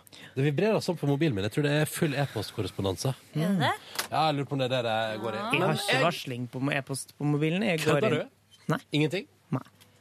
Eh, Altfor Altså veldig lite varsel på mobiltelefonen generelt. Ja. Det er Når folk, folk ringer meg, Da får du parsell. Ja, men det er bra. Ja. Og så Hei, Hei. det var Silje igjen. Hva var det Cecilie Nei, ville? jeg har fått sparka. Ja, du har det. Det var Cecilie som ordna? Ja. Ja. Vi har jobba for det ganske lenge, Silje. Så var det Cecilie som fikk æren av å break the news. Ja, Vi hadde faktisk lotteri på kontoret her om dagen for å finne ut hvem som skulle få lov til å gi deg sparken. Og Da, tenkte da ble det siden- altså hun som trakk. Det var litt irriterende at uh, At hun som var nyest i ja, redaksjonen, fikk liksom lov til å ta ja, nei, Det var utrolig provoserende. Ja, ja. Ja, ja. Seriøst, hva var det, Silje? Er det noe som angår oss? Cecilie spurte meg om sjans. Oi! Oi. Så skal hun over til den andre siden. Den gode siden. Og så Ja. sa jeg sorry, men jeg er opptatt. Mm. Ja. Nei, men har dere sett på maken? Nå Nei, jeg fått, men her eh, ser du maken! Og så trekker han opp den andre bleien, da. Nei da, eventyrreferanse. Beklager. Hva er det vi har fått? Har vi Nei, fått vi har en mail? nei, vi har fått nye lyttertall på P3, og nå går det skikkelig bra igjen. Nå går det veien. Å nei! Hva Hva bra! Ja, ja, ja. Vi har hatt en liten down period, vi, da. Men nå er vi tydeligvis back on tracks. Så bra. Kanskje vi får kake fra sjefen? Det tviler, det tviler Det har jeg på. vært altfor lite kake i det siste. Men jeg ser at uh, hun godeste sjefen for Tone skriver feil her. For hun skriver at det var veka med både P3 Skolesessions og RRs bærebare fredagsparty. Men det stemmer jo ikke. For det er den veka med skolesessions, ja. Men fredagsparty var da virkelig ikke den veka. Nei. Det var ikke samme veka, var det det? Nei. RR-party og skolesessions. RR-partyet var i Kristi himmelfart-helga. Stemmer det. Og det var jo uh, ikke samme veke. Nok om Som det. en, uh, gam, som en gammel RR-fan så må jeg si at det var utrolig deilig å høre eh, Radioresepsjonens bærbare fredagsparty. Ja, som sagt så skvatt ikke litt engang når de sto på, for de trodde at det var midt i helga at eh, det var en sånn reprisegreier. Men eh, jeg skjønte jo det, det var aktuelt innhold. Ja, vi har lagt bak oss en langhelg. Jeg kan jo dra kjapt gjennom dere hva jeg har valgt å bruke denne langhelga på. Få Ja. høre du. nå skal dere høre. Fordi Først og fremst så var det jo på 17. mai så hadde vi jo sending, og den sendinga har du kunnet laste ned podkast av. Vi droppa bonusbord. Vet du hvorfor? Fordi idet sendinga var ferdig, så spredte jeg ei øl og satte meg på terrassen her på NRK, der vi hadde diska opp med Alle hadde med seg sin rett til frokosten. Ja. Jeg hadde kjøpt, det skal jeg være ærlig på, kjøttboller på en lokal matvareforretning. Og de fungerte, de. Du- ja, fungerte kjempefint. Hvor mye, eh, d- eh, hvor mye kosta den eh, Det, det er eska? etegilde på nesten 500 gram kjøttboller. Ja. 70 kroner. Ingenting. Er ikke det ærlig Vet talt? du hva? Ja, for det var jo eh, altså, i en sånn tapassammenheng. Vi var, hvor mange var vi på den uh, holloisen der? Ti stykker? Mange. Ja, vi var kanskje Som ti stykker. spiste, og da Ja. var det mer enn nok kjøttboller. Så da spiste man jo kanskje en, ja, en fire-fem kjø- kjøttboller hver. Ja. Perfekt! Ja, det var helt eh, vet du, Det kan jeg gjøre flere ganger. Og det, jeg ble imponert over at det bare endte på 70 kroner. jeg, For det var jo mye. Mm, og de var veldig gode. Jeg tror jeg kjøpte 30. Oi. Spicy og god. Spicy og god. Da Traff et par her som var litt i overkant, nesten. Men ble det er jo bare konge. ikke fire-fem til hver, da. Men eh, Nei. jeg tok i hvert fall fire Ja, jeg tok i hvert fall fire kjøttboller. Tre er jo moderert. Det lå to igjen når vi var ferdig. Ja, jeg spiste den ene. Den så det- Og så bidro andre med andre ting. Yngvar med eggerøre. Mm. Silje hadde med sånn laksegreier. Rørte ikke deg, da, kan du si. Hvorfor gjorde du ikke det når du? Jeg vet, jeg vet ikke. Kjempegod. Ja, men så kult for Silje. Nei, det var kult for alle. Det var kult for alle som kunne spise god mat. Hva er det med deg, Ronny? Hva er det med deg, Ronny? Nei, si det. Skulle ikke du starte et nytt og bedre Ja, men jeg, har, jeg har spist fisk forrige uke, for det gjorde jeg på søndag. Da åt jeg kveite. Den var helt middels. Men Du går liksom bare for kveite. Ja, men jeg vet ikke, Det var det de hadde på den restauranten jeg var på. Jeg kan jo fortelle dere at jeg var jo eh, kraftig på Altså, Unnskyld meg, men jeg var kraftig på fylla 17. mai. Ja, Eh, rett, vi satt nå her et par timer på jobb, så reiste jeg ut til en, en av forstadene til Oslo by, der eh, hun jeg eh, velger å ha Ja, lukken ja. med, eh, sin familie hadde altså da en slags gigantisk frokost for alle omtrent som ville komme. Og der var mellom masse andre hyggelige folk. Min gode venn Ingve var jo der, og min gode venn Ørjan dukka opp etter hvert, for han er jo nærmeste nabo. Ja. Så han kom innom, og, og da sa mora til uh, hun sa Nei, men er det du som går forbi her og hilser på hestene hver dag? Og, ja, det var koselig. Så der også vi, så vi drakk noe øl og skåla og kos. Ble Tøffa inn til sentrum, uh, hvorpå noen av oss gikk til eh, bydelen Grønland og spiste middag. Og der var det tivoli, omreisende sådan. Det samme tivoli. Thomas Tivoli var mye i Førde på 90-tallet og hadde de samme karusellene fortsatt. Var det noen som ropte 'Vil ni åka mera?' Ikke mens jeg gikk forbi. Da var det ingen som ropte noe som helst, men de pumpa ut noe Pitbull. Så da Så var du det Morten Ramm gikk rundt med notatblokk og tok eh, Ja, det var ivre notater? En låt som var veldig eh, Som var mye brukt på tivoli, i hvert fall i Nord-Norge. Der var det Lindstrøms tivoli. Som, Ja, det eh, har også vært i Førde. Der var det i en i rosa helikopter. Ja, den, var, Ja, den ja. er perfekt. Den sto Kan man og ta en helikopter? Ja. Het den ikke det? i loop. Ja, i hvert fall på det tekopp-karusellen. Der Den var det rosa helikopter i Låta loop. Den låta Den I en gjorde rosa gjorde mye hærverk på helikopter sjela. vil jeg flyva hjem til deg i en rosa heli... Ja. Det var bra, de jentene der. Hva var de? Ikke så Seks Peaches. år? Peaches. Ja, Peaches. Peaches. Eh, ja, de var Vår ikke gamle, i hvert fall. parodivideo endte oppe på Peaches' i offisielle hjemmeside. Hvem som har lagd parodivideo? Eh, Vi Livesang, var ikke det? Eller? Hvordan var det? Nei, nei, altså på ungdomsskolen lagde vi, lagde vi i musikktimene lagde vi en eh, musikkvideo til Dos helikopter. Vi? Vår? Og Hvordan skal vi da- gjette at det var klasse Har 7B? noen andre Nei, jeg vi vet enn vi? ikke. Da endte vi iallfall opp eh, på Peaches sin offisielle hjemmeside og syntes det var litt stas. da Er det her noe som vi kan finne tilbake til? Det tror jeg. Hvis du hadde møtt Peaches i dag, Ronny, hadde du blitt starstruck da? På ingen måte. Her gikk du på ungdomsskolen og Peaches herja? Jo. Peaches herja. Jo. Jeg trodde de var voksne. Nei da. Nei da. Um, videre på 17. mai så uh, reiste vi tilbake til sentrum. Ja, åttende mat der, skulle egentlig på en fest. Så fant jeg og min gode venn Ørjan ut at vet du hva, nå går vi iallfall opp til eh, meg og henter den flaska med rom, Ja. og så ser vi hvor det bærer. Det bærte til følgende. Uh, meg og Ørjan og masse Jan rom og cola. Nei, og masse rom og cola. Uh, og en pose chips og en radio på verandaen min. Bare dere to? Ja, Så vi satt der og drakk eh, rom og cola og prata om hvordan det nå egentlig gikk for tida. Sånn, ja, livets store spørsmål og små spørsmål. Og, og så kom da min kjæreste etter hvert. Og så ble hun også med på litt rom og cola på verandaen. Før den kvelden der endte med pizzabestilling. Og deretter noe grei soving. Men hvor seint var det til slutt, da? Nei, jeg følte at klokka var fem, men klokka var jo bare tolv. Når dere ja. la dere? Ja, jeg tror, det var, jeg tror ikke det var, det var mye etter midnatt. Kanskje klokka var nærmere ett. Du hadde Men, jo vært eh, oppe klokka halv seks-seks. Ja, så det så var det var så rart, det. jo nok, det. Og lørdagen gikk jo med til å nyte det fantastiske været. Eh, mest på verandaen min, med bok i handa og Farris i glasset. Og videre til jobb her på NRK Marienlyst, der vi da lagde Eurovision-sending. Og det var altså så stas, dere. Ja, det var Det syns jeg var kjempegøy. Eh, og veldig spennende å gjøre fjernsyn på NRK3 i tre og en halv time. Herlig eh, gjeng som var lyttere, og jeg føler at dere, våre deilige podkastlyttere, var med Mm. og støtta opp, og det føltes skikkelig bra. Og så likte jeg likte spesielt godt um, han som skrev eh, på Facebook-sida vår Kan ikke dere holde kjeft og la oss se på Eurovision? Så det var noen av dem òg, da. Ja. Men eh, Da var det jo Tenker jeg sånn, ja, men da er jo en annen kanal, det. Ja. da. NRK1 heter den. du får meg se på SVT hvis du er så misfornøyd. Ja. Eller Sikkert- BBC. eller, eller gå inn på Eurovision sine nettsider. Der kan du få det uten noe kommentar whatsoever. Kan man det? Ja, bare rent show, uten noe som helst. Men det er var bare én fyr, da, Silje. Ja, men, jeg, men jo, jo, det var ikke noe at det var så galt. Jeg syns det, det var artig. Ja, det er en sånn, ja. artig kommentar å gi til eh, folk som får betalt for å sitte og prate. Ja. Hold kjeft! Det blir akkurat som man skal si til Arne Skeie på hopprenn. ja. Slutt å kommentere! Hold Vi kjeft! kan se hvordan det Ja. her gikk. Du slipper å si noe om det. Ja. La oss nå få sånn, ja. se det sjøl. Slutt å si det. Ja. Ja. Men når får vi vite hvor mange som har Ja. sett på? Jeg tror vi kom i dag. Åh, jeg Veldig det er litt skummelt, det. Det kan være alt mulig rart. Jeg tipper Jeg blir Men du skal ikke måle ting i livet i tall. Det er veldig Nei, viktig å nei, ikke nei, du gjøre skal det. måle opplevelser. Ja. Jeg fikk sånn déjà vu om at jeg har stått der før, og vi har pratet om dette her før, og da, da i den déjà vuen så var det eh, var såkalt dårlig nytt. Ja, ja. Jeg syns at déjà vu er for uh, pretensiøst å si, sånn at jeg bare går rett på déjà vu. Jeg Ja, er déjà vu. Er det det liksom heter? Ja, for at der har jeg en kompis som er sånn der hvis jeg sier déjà vu, Ah. så sier han sånn Déjà vu! Oh my God. Ja, fordi det er liksom. Det er et eh, uttrykk som jeg ikke veit hva slags språk kommer fra. Déjà vu. Er Er det, det fransk? fransk? det er det Det er fransk? Det er sikkert Er det magiske Mm. Frankrike. Det Eh, høres jeg- veldig jeg lite vet at fransk det er fransk. Altså, det høres Altså, jeg ut som det er vet det! sånn Hør! Oi, wow. Bowie. Ja da. Jeg merker at, uh, at fransk alltid Frankrike er pretensiøst. Til og med Ja. croissant er Til og med pretensiøst. ord. Men skulle ikke det vært et sånt eh, lovetak og sånn over den U-en Jo, og det en E på slutten og sånn? vel det er. Lovetak. Det er Det nok er en liten uh, Ja, men er ikke det at det er bare en sånn uh, aksenttegn uh, den ene veien?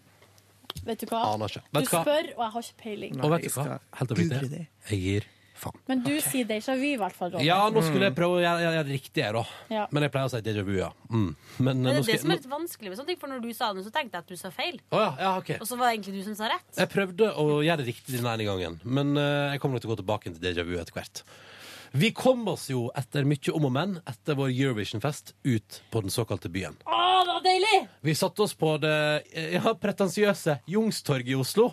På, en, på den plassen der så var det minst folk og en meget attraktiv uteservering. Der fikk jeg endelig drukket meg en øl, og to, og tre. Det og, var altså, godt, det. og det var varmt i været, og vi var fornøyde, og alt var bare helt nydelig. Men det er, eh, Nå blir det litt Oslo-internt her, men det er, det, vi kom jo dit klokka to. Eller sånn, ti på to, noe sånt. Eh, Det var god plass på uteserveringa. Vi fikk et svært bord. Det var ikke noe problem å komme seg inn. eller noen ting.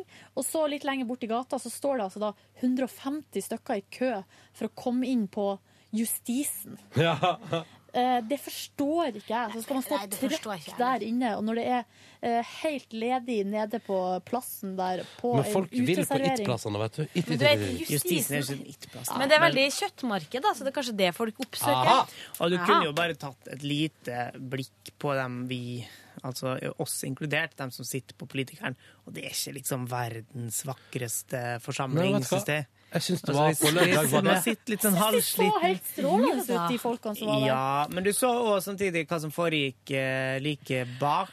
Eh, da en person kom, sprang og kasta opp samtidig eh, Oi! fra, ut fra vårt sted. Fikk ikke litt Ja. med meg òg. Nei, det, det skal, kan dere være glad for. Eh, men det er jo liksom det er et sted der man ikke går for å sjekke seg og tøffe seg, da. Eller Nei. man går jo dit bare for Men å vet sitte. dere hva? Hvis jeg går ut med en gjeng som jeg trives med, så kan Ja. jeg gå hvor som helst. Helt enig. Altså, i- Unntatt det er jo Café der jeg 33. alltid havner. På Kafé 33 eller på Politikeren. Men dere, dette her var vel topp, og jeg og Sigrid valgte jo å fortsette på nachspiel. Oh yes. Noen timer til eh, på min veranda til klokka seks om morgenen. Vel, Why har, Utrolig am I not uansvarlig. surprised? har ikke fått naboklager, så det var helt topp. Ja. Søndag gikk eh, med til å drikke mer øl, eh, Spørsmål. spise kveite. Hvordan musikk spiller dere på nachspielet? P3. Rosa helikopter. Radio. Radio, P3. Det var det det ble. Ja. Rolig i bakgrunnen på verandaen der. Men det var jo ikke så rart at dere ikke fikk naboklager. Jeg trodde det var liksom Cæsar fra Grand Prix, Grand Prix på Nei, full nei, nei. mokking. Det var ganske rolig. Det var, Rolig nachspiel, veldig Ja. hyggelig. Hvem var det som var der? det var oss, og så var det Kristin. Mm, som jobber her i P3 Morgen, som du kanskje kjenner fra podkasten. Og så var det kompisen til Kristin fra Sogndal, som jeg ikke aner hvem var. Han heter Ola. Og hyggelig fyr han var. Veldig, veldig koselig. Og så var det min kjæreste og min gode venn Ingve. Ja, Mm. Så vi og satt en der. eh, liten frøken. Hadde han med seg Ah, ja. frøken? Nei, det var noen andre som hadde frøken. Ah, Din frøken. Ja, ja, som jeg sa. Det Ja, sa du det? Ja, Unnskyld. ja, ja. Jeg bare hjernen Hun var der også. var også. Sexprogramlederen. Stemmer. Stemmer. Det var derfor jeg ikke reagerte. Jeg bare skjønte ikke hva han sa. han ikke sa det. Nei, men så Det var en eh, topp. eh, Søndagen sto jeg jo selvfølgelig opp litt seint, Mm. logisk nok, og var ute på Grünerløkken i Oslo, nøt det fine været sammen med Ingve. Vi spiste kveite. Han hadde sympati spiste kveite sammen med meg. Vi var enige om at den var helt OK. Men det er det samme kveita som du har spist før? Nei, denne var en ny versjon der de hadde hva skal man si, krydra og stekt mindre, kokt mer. Veldig Så det var ikke så Det var ikke så suksess. Nei. Mandag gikk jeg altså tilbake igjen til samme restaurant som jeg var på på søndag, men denne gangen spiste jeg ikke fisk. Denne gangen var jeg med på en slags familieorientert middag. Med din reiseplanlegger. Det, reiseplanlegger. det stemmer. Og jeg spiste oksehale-ravioli. Å, den er god! Ei, den, ja! Ja, og det var helt konge. Mm. Jeg skjønner ikke hva det er. Er det en oksehale de har brukt? De tror det er bare bakpartiet. Jo, nei, men dette, dette prater vi om, og da var det bakpartiet, ja, og det har blitt malt opp i bitte, bitte små biter, og så har det blitt putta inn i ravioli, og så smaker det helt fortreffelig. Jeg, kan, jeg må legge til òg Å, nå holdt jeg på å glemme én ting fra helga mi. Jeg prøver Nei, du må ikke glemme en ting jeg prøver- jeg- Du jeg prøver- Jeg prøver å være kjapp. som har blitt sagt. På søndag, eh, etter at jeg spiste kveite, eh, så gikk jeg, fikk jeg melding fra Sigrid her om, og Cecilie om at de satt på eh, vår stamkafé. Så da stakk jeg innom der òg. Fikk dratt på noe øl og litt av Fernet-shot der også. Oh, Og Der fikk jeg òg i melding kvart på ti. Mm. Og da kjente jeg for meg sjøl det, det, Jeg klarer ikke å rive meg løs når det er, fra sofaen når det er så seint. Jeg klarte fint å rive meg altså, løs fra bussturen hjem igjen og stoppe da et stopp innom der. Ja, men Du var liksom allerede i bevegelse. Ja, det stemmer. Jeg lå jo på sofaen i pysj, Ja, sikkert uten undertøy. Altså sånn, Den stilen der. Og da Mm. skal det litt til, altså. Men uh, veldig bra langhelg for min del. Takk for meg. Det var bare 16 minutter, Ronny. Var det det? Ja. Så mye? Det beklager jeg. Unnskyld. Nei, Dette vi har full mange, mange digresjoner. Det er sånn Men det er det ingenting du har glemt nå, Ronny? Ja, det er masse jeg har utelatt. Kan jeg, da fortsetter jeg. 17. mai! Da var vi eh, Den frokosten som vi hadde i lag her, mm. eh, den var god. Mhm. Jeg var veldig fornøyd. Ja. Etter det der eh, Kjæresten min kom jo hit. Ja. Og så dro vi i lag til Ski. Ja, ja. Skulle dere gå på ski ut dit, eller? Ja, der kom Yngve med vitsen sin. Den, den forteller du hver gang. Ja, ja, ja. Ja. Og nå, nå har jeg bygd opp en forventning, så Ja. du hadde blitt skuffa hvis det ikke kom. sant? Mm. I Ski så for vi eh, ski. rett og slett Nei, kødda. Ja. Jeg vet da søren hva det heter. Nei, i ski. Jeg tror de, de sier i ski. Ja. Ja, det tror jeg. På ski. Ja, det er i ski. Ved ski. Ja, uansett. I Ski kommune. du si. Der eh, så jeg for første gang i mitt liv borgertog. Ja. Det var veldig spesielt. da. For første gang i ditt liv? Har du ikke det hjem? Nei. Uh, all, det her var Du sånn hadde bare at eh, Hamsun-tog. Borgertoget går Nazitog. Sigrid, vi skulle prøve å ha én podkast der Silje ikke må Innskyld. forsvare eh, Nazi-Hamsun. hennes Hamsuns Unnskyld. eh, Jeg er fortid. veldig fan av Hamsun, så jeg skal ikke Å ja, ok. Ikke av det jeg har ment, da, og sånn, men Ja Å vel, nei! snell. Jeg hater- Jeg Ja. når sånt skjer. Åh! Vær så god, Silje. Nei, ehm, altså borgertoget der i Ski i hvert fall var jo sånn, og jeg tror det var sånn i Molde òg, det har i hvert fall Yngve fortalt, Mhm. at eh, alle går i jeg kaller det kostymer, men de går liksom i idrettslaget går Man i, representerer ja, foreningene sine. og går i ulike uniformer, og speiderne kommer med sine uniformer, alt mulig sånt. Mm. Helt nytt for meg! Eh, aldri sett sånn før. Fordi vi har bare 17. mai-tog som går med bunad, flagg, hipp hipp hurra, fløyte. Mm. Alle synger 'Ja, vi elsker'. Den, altså. Så jeg har aldri sett sånn tog før. Det var jo jævlig var irriterende å komme fra Molde. Fordi vi som barn vi heia jo alltid på at russen skulle vinne, fordi russen gjorde alltid så mye kult. Men er det i- konkurranse?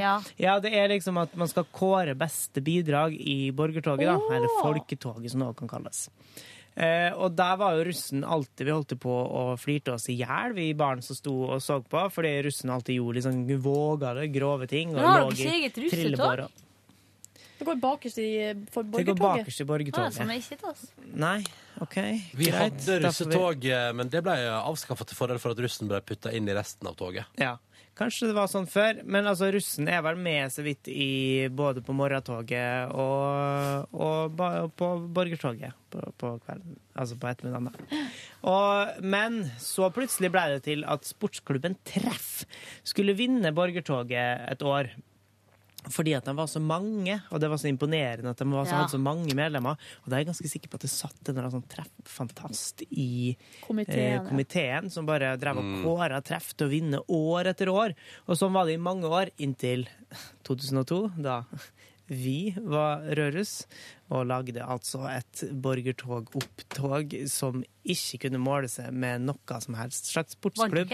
Og da vant vi den hjem igjen. Herregud! Kom i Bustika.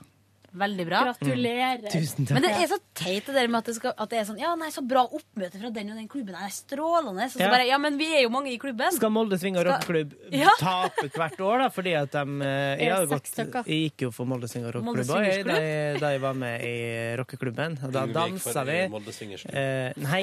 Det er rart ikke dem har. Det er jo veldig mange med i swingersklubben i Molde, er ikke det? Det er akkurat som dere prøver å erte meg som om jeg skulle si Nei, det er ikke swingersklubb i Molde. Men eh, det veit jeg ingenting om. Og jeg har jo heller ikke vært med i en swingersklubb. Eh, men det var Molde Sving og rockeklubb, og da dansa vi på eh, lasteplanet på en bil. Mm. Er det borgertog i Oslo? Å ja, det tror jeg. Nede i sentrum? Pass! Vet ikke om gidder. Det tar for lang tid å lage, sikkert. fallskjermklubb der. Hva er det? Det er swingersklubben. Er det? Det, det har jeg hørt rykter om. Ikke spre sånne mye rykter på podkasten. Det må være lov å spre rykter her. Ja, OK. Spre er flere rykter. Jeg har så. Ingen sikre kilder. Å, nei. Der er kildene er på minussida på sikkerhet. Har de sånn at de driver og liksom hopper i fallskjerm og sånn, eller er det bare et skalkeskjul? Har ikke peiling. Jeg vet Nei. ingenting. Jeg bare viderebringer Det er sånn. Silje, Silje, ja. ta oss gjennom mer av helga di, da. Kom igjen, da. Kom igjen, da. I eh, på Ski så var det også en russebuss som fetteren til kjæresten min var med på. Eh, og det var eh, eh, Follos beste buss. Det Louvre? Louvre. Louvre? Så kul ut på bildet på Instagram. Ja, Så der var det sånn at eh, da vi var, vi var da hos tante og onkelen til min eh, kjæreste og grilla og sånn etter borgertoget og bare hang og spiste kake og chilla maks ute. I, det var sol og det var utrolig deilig. Så kom altså den her bussen rullende. Eh, på en slags siste reise Ja. inn, inn innkjørselen der og ble parkert utafor. Ble du starstruck? Så da var, nei, men da var vi inne og kikka i bussen. Fy faen hvor det så ut. Nei. Hele bussen var dekt av øl inn på innsida. Og, og han eh, gutten som da var med på bussen der, som var fetteren til søskenbarnet mitt, han var fornøyd. Ja. Meget fornøyd. Det skal være øl på innsida av en buss etter russetid, Sånn altså. skulle det være. Ja, det syns jeg. Eh, på lørdagen så var det en rolig dag. Trena og bare gjorde, gjorde sånt noe. Før at eh, jeg dro da hit på NRK og så på Grand Prix. Det var veldig artig, jeg er veldig fornøyd. Det var gøy. Søndag sov til halv to. Oh, yes. Og gikk rett ut, og så la vi oss i sola og lå der eh, helt til det kom et vennepar av oss der hun ene har motorsykkel. Da for hun og kjæresten min rett og slett og kjørte seg en tur på sykkel. Er det sant? Og kjæresten min fikk prøve sykkelen på parkeringsplassen utafor Ikea. Og nå har det blitt sådd et frø der i gården. Nå skal det kjøpes motorsykkel! Så nå er det store drømmen da er at eh, hun skal ta lappen og kjøpe seg sykkel. Så gøy. Men det som er bra der, er jo at faren min kjører jo motorsykkel, så da kan de bond eh, Altså Ah. svigerfar, svigerdatter, kan de snakke om sykkel og sånn. Så Ja. det syns jeg er Skal du helt føle deg utafor akkurat på det, men samtidig så går det bra? Da kan jeg være sammen med mamma og bake kake på kjøkkenet, ikke sant? Så er, eh, kjønns, så er kjønnsrollene intakt. Ja. I går var det mandag. Hva gjorde jeg da? Trente, ellers bare hang rundt. Du er flink. Spilte Jewelmania.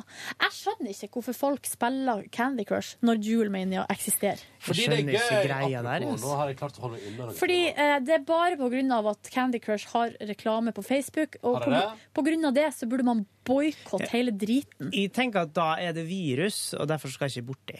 Det er ikke blitt så avhengig. Men Candy Crush har Apropos reklame på TV. reklame og virus. Jeg jeg får til stadighet, kanskje en gang i uka, private message på Twitter fra et eller annet som kalles for PSTSS, eller noen sånne ting. Som jeg bare tenker tenker Nei. Eh, PSTSSS heter de.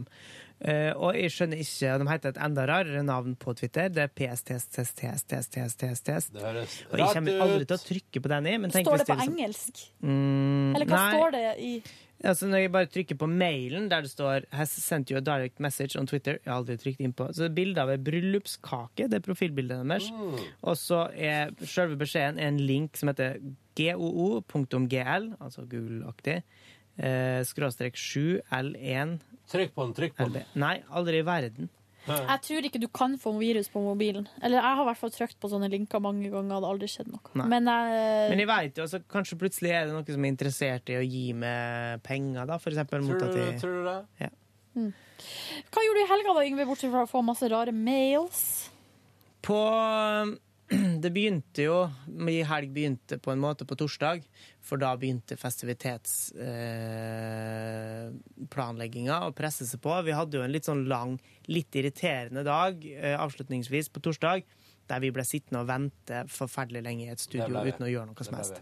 Og jeg prøvde å være så mild jeg kunne ganske lenge og si at nå må vi snart slutte av, fordi at jeg hadde en avtale, og at jeg hadde egentlig flere avtaler, så jeg måtte jo gå. Men så ble det bare stress dette her, da. Eh, så derfor så drog jeg eh, litt seinere enn planlagt eh, hjem fra jobb. Fant en mobiltelefon, oppringte, avtalte eh, henting av den på NRKs radioresepsjon dagen efter.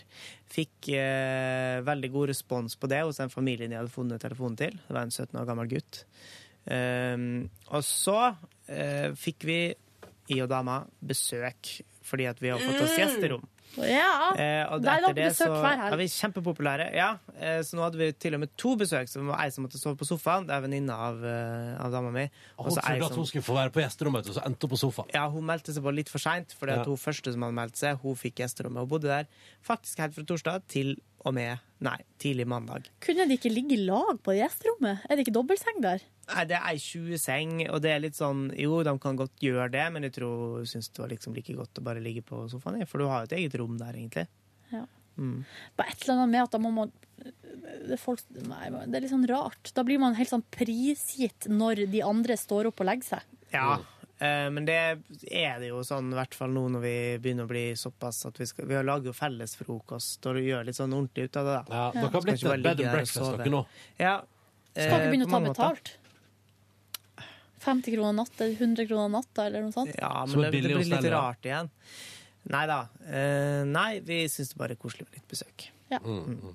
Riktig svar. Eh, jo, 17. mai gikk jo sånn som det bruker å gjøre. Jeg tror ikke jeg gjorde noe annerledes enn mange andre her eh, til lands. eh, bortsett fra at vi hadde sending, og så, altså andre i redaksjonen, da. Ja, ja, ja. Så dro jeg bort på en lunsj, kjempekoselig, der jeg trodde at jeg så sønnen til min gode venn tok sine første skritt. Eh, Det var mens jeg satt og hadde, tok litt ansvar fordi at eh, foreldrene for og sprang etter så to barna der hele tida. Så tenkte jeg Mm. kunne passe litt på dem i. Så jeg fulgte dem opp, og så satt de og leika. Det var to barn på sånn ett og ett og et halvt eller noe sånt. Og så plutselig begynte han der minste å gå. Og jeg bare Oi. Så måtte jeg rope ned til mora, mora da, og spørre om eh, Du, kan han å gå? Ja, han kan det. OK. Phew. For det hadde vært litt dumt hvis jeg skulle sitte der oppe og, og overvære det hele. Men, du kunne jo filma det, da. Ja, jeg kunne jo det, men jeg tror ikke jeg hadde med meg telefonen min. Og telefonen er jo alt i dag, ikke sant? Ja. Ehm, 17. mai. Det var jo jævlig koselig. Vi satt jo bare på den verandaen. Uh, inntil vi uh, ja, nærmest ble kasta ut, fordi at eh, han som hadde selskapet, måtte jo gå og legge seg ettersom han har barn. Og så, uh, da var det jo klokka ganske seint, da. Så gikk vi en tur innom meg og satt der og eh, supa litt før vi beslutta at dagen var over. It's over! Ja. I seng litt for tolv. Eh, Digg det. Og så eh, var det jo den store lørdagen der vi skulle ha sending. Jeg klarte å nyte været såpass at jeg var ute nesten hele dagen. Eh, Derfor litt trøtt når vi kom til, eh, til NRK Marienlyst for Men å det tok seg opp når du fikk noe kokain innabords. Nei da! Jeg fikk jo bare ditt berg. Eh, Det var en spøk. Det var en spøk. Og så eh, måtte jeg avslutte litt før dere på lørdag, for da var jeg faktisk bare sliten. Og jeg er veldig glad for at jeg ikke ble med på nachspiel. Ikke fordi at dere ikke er kjempetrivelige mennesker, men fordi at det tror jeg ikke jeg hadde klart. Nei.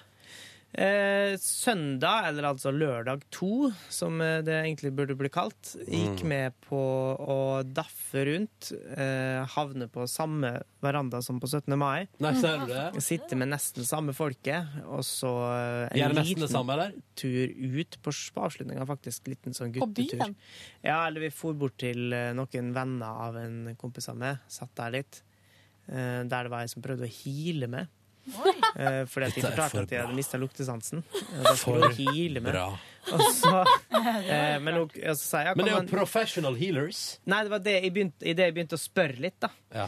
Da eh, det, ble det ikke så mye mer prat om det, og noe healing ble det i hvert fall ikke. Hva sa du til henne da når du fant ut at hun var fake? Mm, nei, jeg ble selvfølgelig jævlig skuffa, Ja. og så gikk jeg. Nei da, vi skulle kan bestemme om man er fake eller ikke fake. Det er vel kan, Du kan jo at en av oss er healer uten at Mm. vi vet det. En kompis som har varme hender, og han har brukt å varme, ha- hatt eh, håndspålegging på meg stadig vekk. Ja, ja. Ofte, på, i fest, Ufrivillig. ofte i festlige sammenhenger. Høres ut som han har funnet måten han kan ta på folk på. Men han har sjukt varme hender. Høres fortsatt ut som han har funnet en måte å ta på folk på. Ja. Gris. Søndag rolige greier. Du er en gris. Søndag rolige greier. Eller mener mandag, da. Mandag, mente jeg. Ja. Mandag. Mandag. Rolige greier. Søndag. Sigrid, da? Ja, jeg tenkte vi må jo snart gå, så jeg skal bare si Jeg skal- tre stikkord. Og det Ja. er eh, Drekka. hipp hipp hurra. Eh, Da var du ferdig. Ferdig. Det var du, faen! Fuck! Det var de ordene. Nei, men hadde du- hadde du flere- Og to av dem var de samme nå. Hipp, Hadde hipp. du, hadde du Det var flere jævlig stikkord? Hadde du flere stikkord? Nei, det var det. Hipp hipp hurra. Nei, Sigrid, seriøst. Det var eh, Er det comeback kid? Skal du fortelle Nei, at no du, du hadde, hadde sending 17. mai, og at du hadde Melodi Ja. Grand Prix-sending på lørdag? Og at jeg drakk og kosa meg. Ja, for du jobba jo Du har vært mye Eller du har vært sammen med oss helt ja, fram til uh, Vi har jobba sammen, vi, da. Ja. Fortell eh, detaljert hvordan 17. mai-sendinga var Nei, 17. mai-sendinga og Melodi Grand Prix-sendinga, sånn at vi får forklart det fire ganger. Du, men du, Eh. Sigrid, ta oss heller gjennom, fordi din 17. mai forstår jeg ble sein. Ja, det som var, var at jeg for jo ut eh, etter vi var her. Jeg Var i Kubeparken. Kubbeparken. Sodoma Gomorra, som jeg liker å kalle det. Ja, og der drakk jeg jo ganske mye, og da måtte jeg ta meg en tur hjem og sove. Og så sto jeg opp igjen etterpå og gikk ut på en ny runde. Møtte du onkel P der òg? Ja da, onkel P var i farta, han. Hvor du møtte onkel P? Nei, altså, det var jo Han bare var Han havna i en lite, liten slåsskamp. Ja, Og så var ei dame der som klikka, og han var sånn eh, Og så på et tidspunkt så ropte han eh, Jeg er ikke P, så her må du trå litt varsomt. Og Sigrid, hvem var det som var ansatt som security Ja! i parken? Admiral P! Men det var vel dugnad? Det må altså. Samfunnstjeneste? Han- Jeg bare spør. Nei, men Jeg han kan jo ikke få betalt. Du kan ikke leie inn Admiral P for å være sikkerhetsvakt i Cubaparken. Garantert dugnad. Det er, noen, er det noen som røyker noe videre? Nei, dere må Nei, herregud. Sånn var det. Men for du tilbake til Cubaparken? Nei, jeg for eh, tilbake til noen venner av meg. OK. Rett og slett. Skjønner ikke at jeg orka, men jeg gikk det lovde. med bunaden? Bunaden, når jeg gikk hjem og sov, så bytta jeg bunad. Ja. Til en ny bunad. Ja, eller jeg har jo en sånn kjole som ser litt ut som bunad. Ja, Så tenkte jeg passa bra på 17. mai. Nå var det staselige bunaden. Eh, var du også, så også lurer jeg på hvordan det gikk det på søndag? Fordi jeg møtte jo deg og, og Cecilie på Ja. Hølet, som vi kaller det. Vår lokale uteplass. Og dere gikk jo videre. Ja, fordi eh, vi skulle jo egentlig ta det litt med ro, men så kom jo du med den der shots. Oh, yeah. De er jo så svære som er andre. de der eh, glassene. Ja. Så da gikk, jo jeg fra null til 100 i løpet av sikkert eh, ti minutter. Ja. Mm. Og så stakk vi på Politikeren og møtte Kristin, som vi jobber sammen med. Oi! Ja, Ja. Og hennes, hun har jo bare guttevenner, den dama der. Hun er alltid sammen med en gjeng med gutta. Venner eller menn? Ja, du vet, Kristin. Var, bra. Så, men uh, vi stakk på en liten tur på Mono. Var ganske kjedelig. Stakk hjem. ja. Men det ble litt seint på søndag. Ja. Ja. Ja. Ja. Så mandagen måtte du bare ta det med ro. Ja. tok Og så var, det på, og så var det ute på øyen òg, var ikke du det? Ja, det Ute var i på, sola. det, på Det var på Hvilken dag var det? Ja, så du hører at hun har hatt ei innholdsrik Ja, helg da, hos det har Sigrid? skjedd da. ting, da. Gått litt i surr. Men har du, men har du rumpa med noen? Jeg må da nå må jeg faktisk stoppe og tenke på, men nei, jeg har ikke det. Nei. Nei. Nei, nei. Ingenting å fortelle på den fronten. Og med det gir vi oss med dagens podkast. Takk for at du hørte på. Takk for oss. Ha det bra. Ha det bra. Du hører nå en podkast fra NRK P3. Hent flere podkaster fra NRK på nettsiden nrk.no podkast. NRK P3.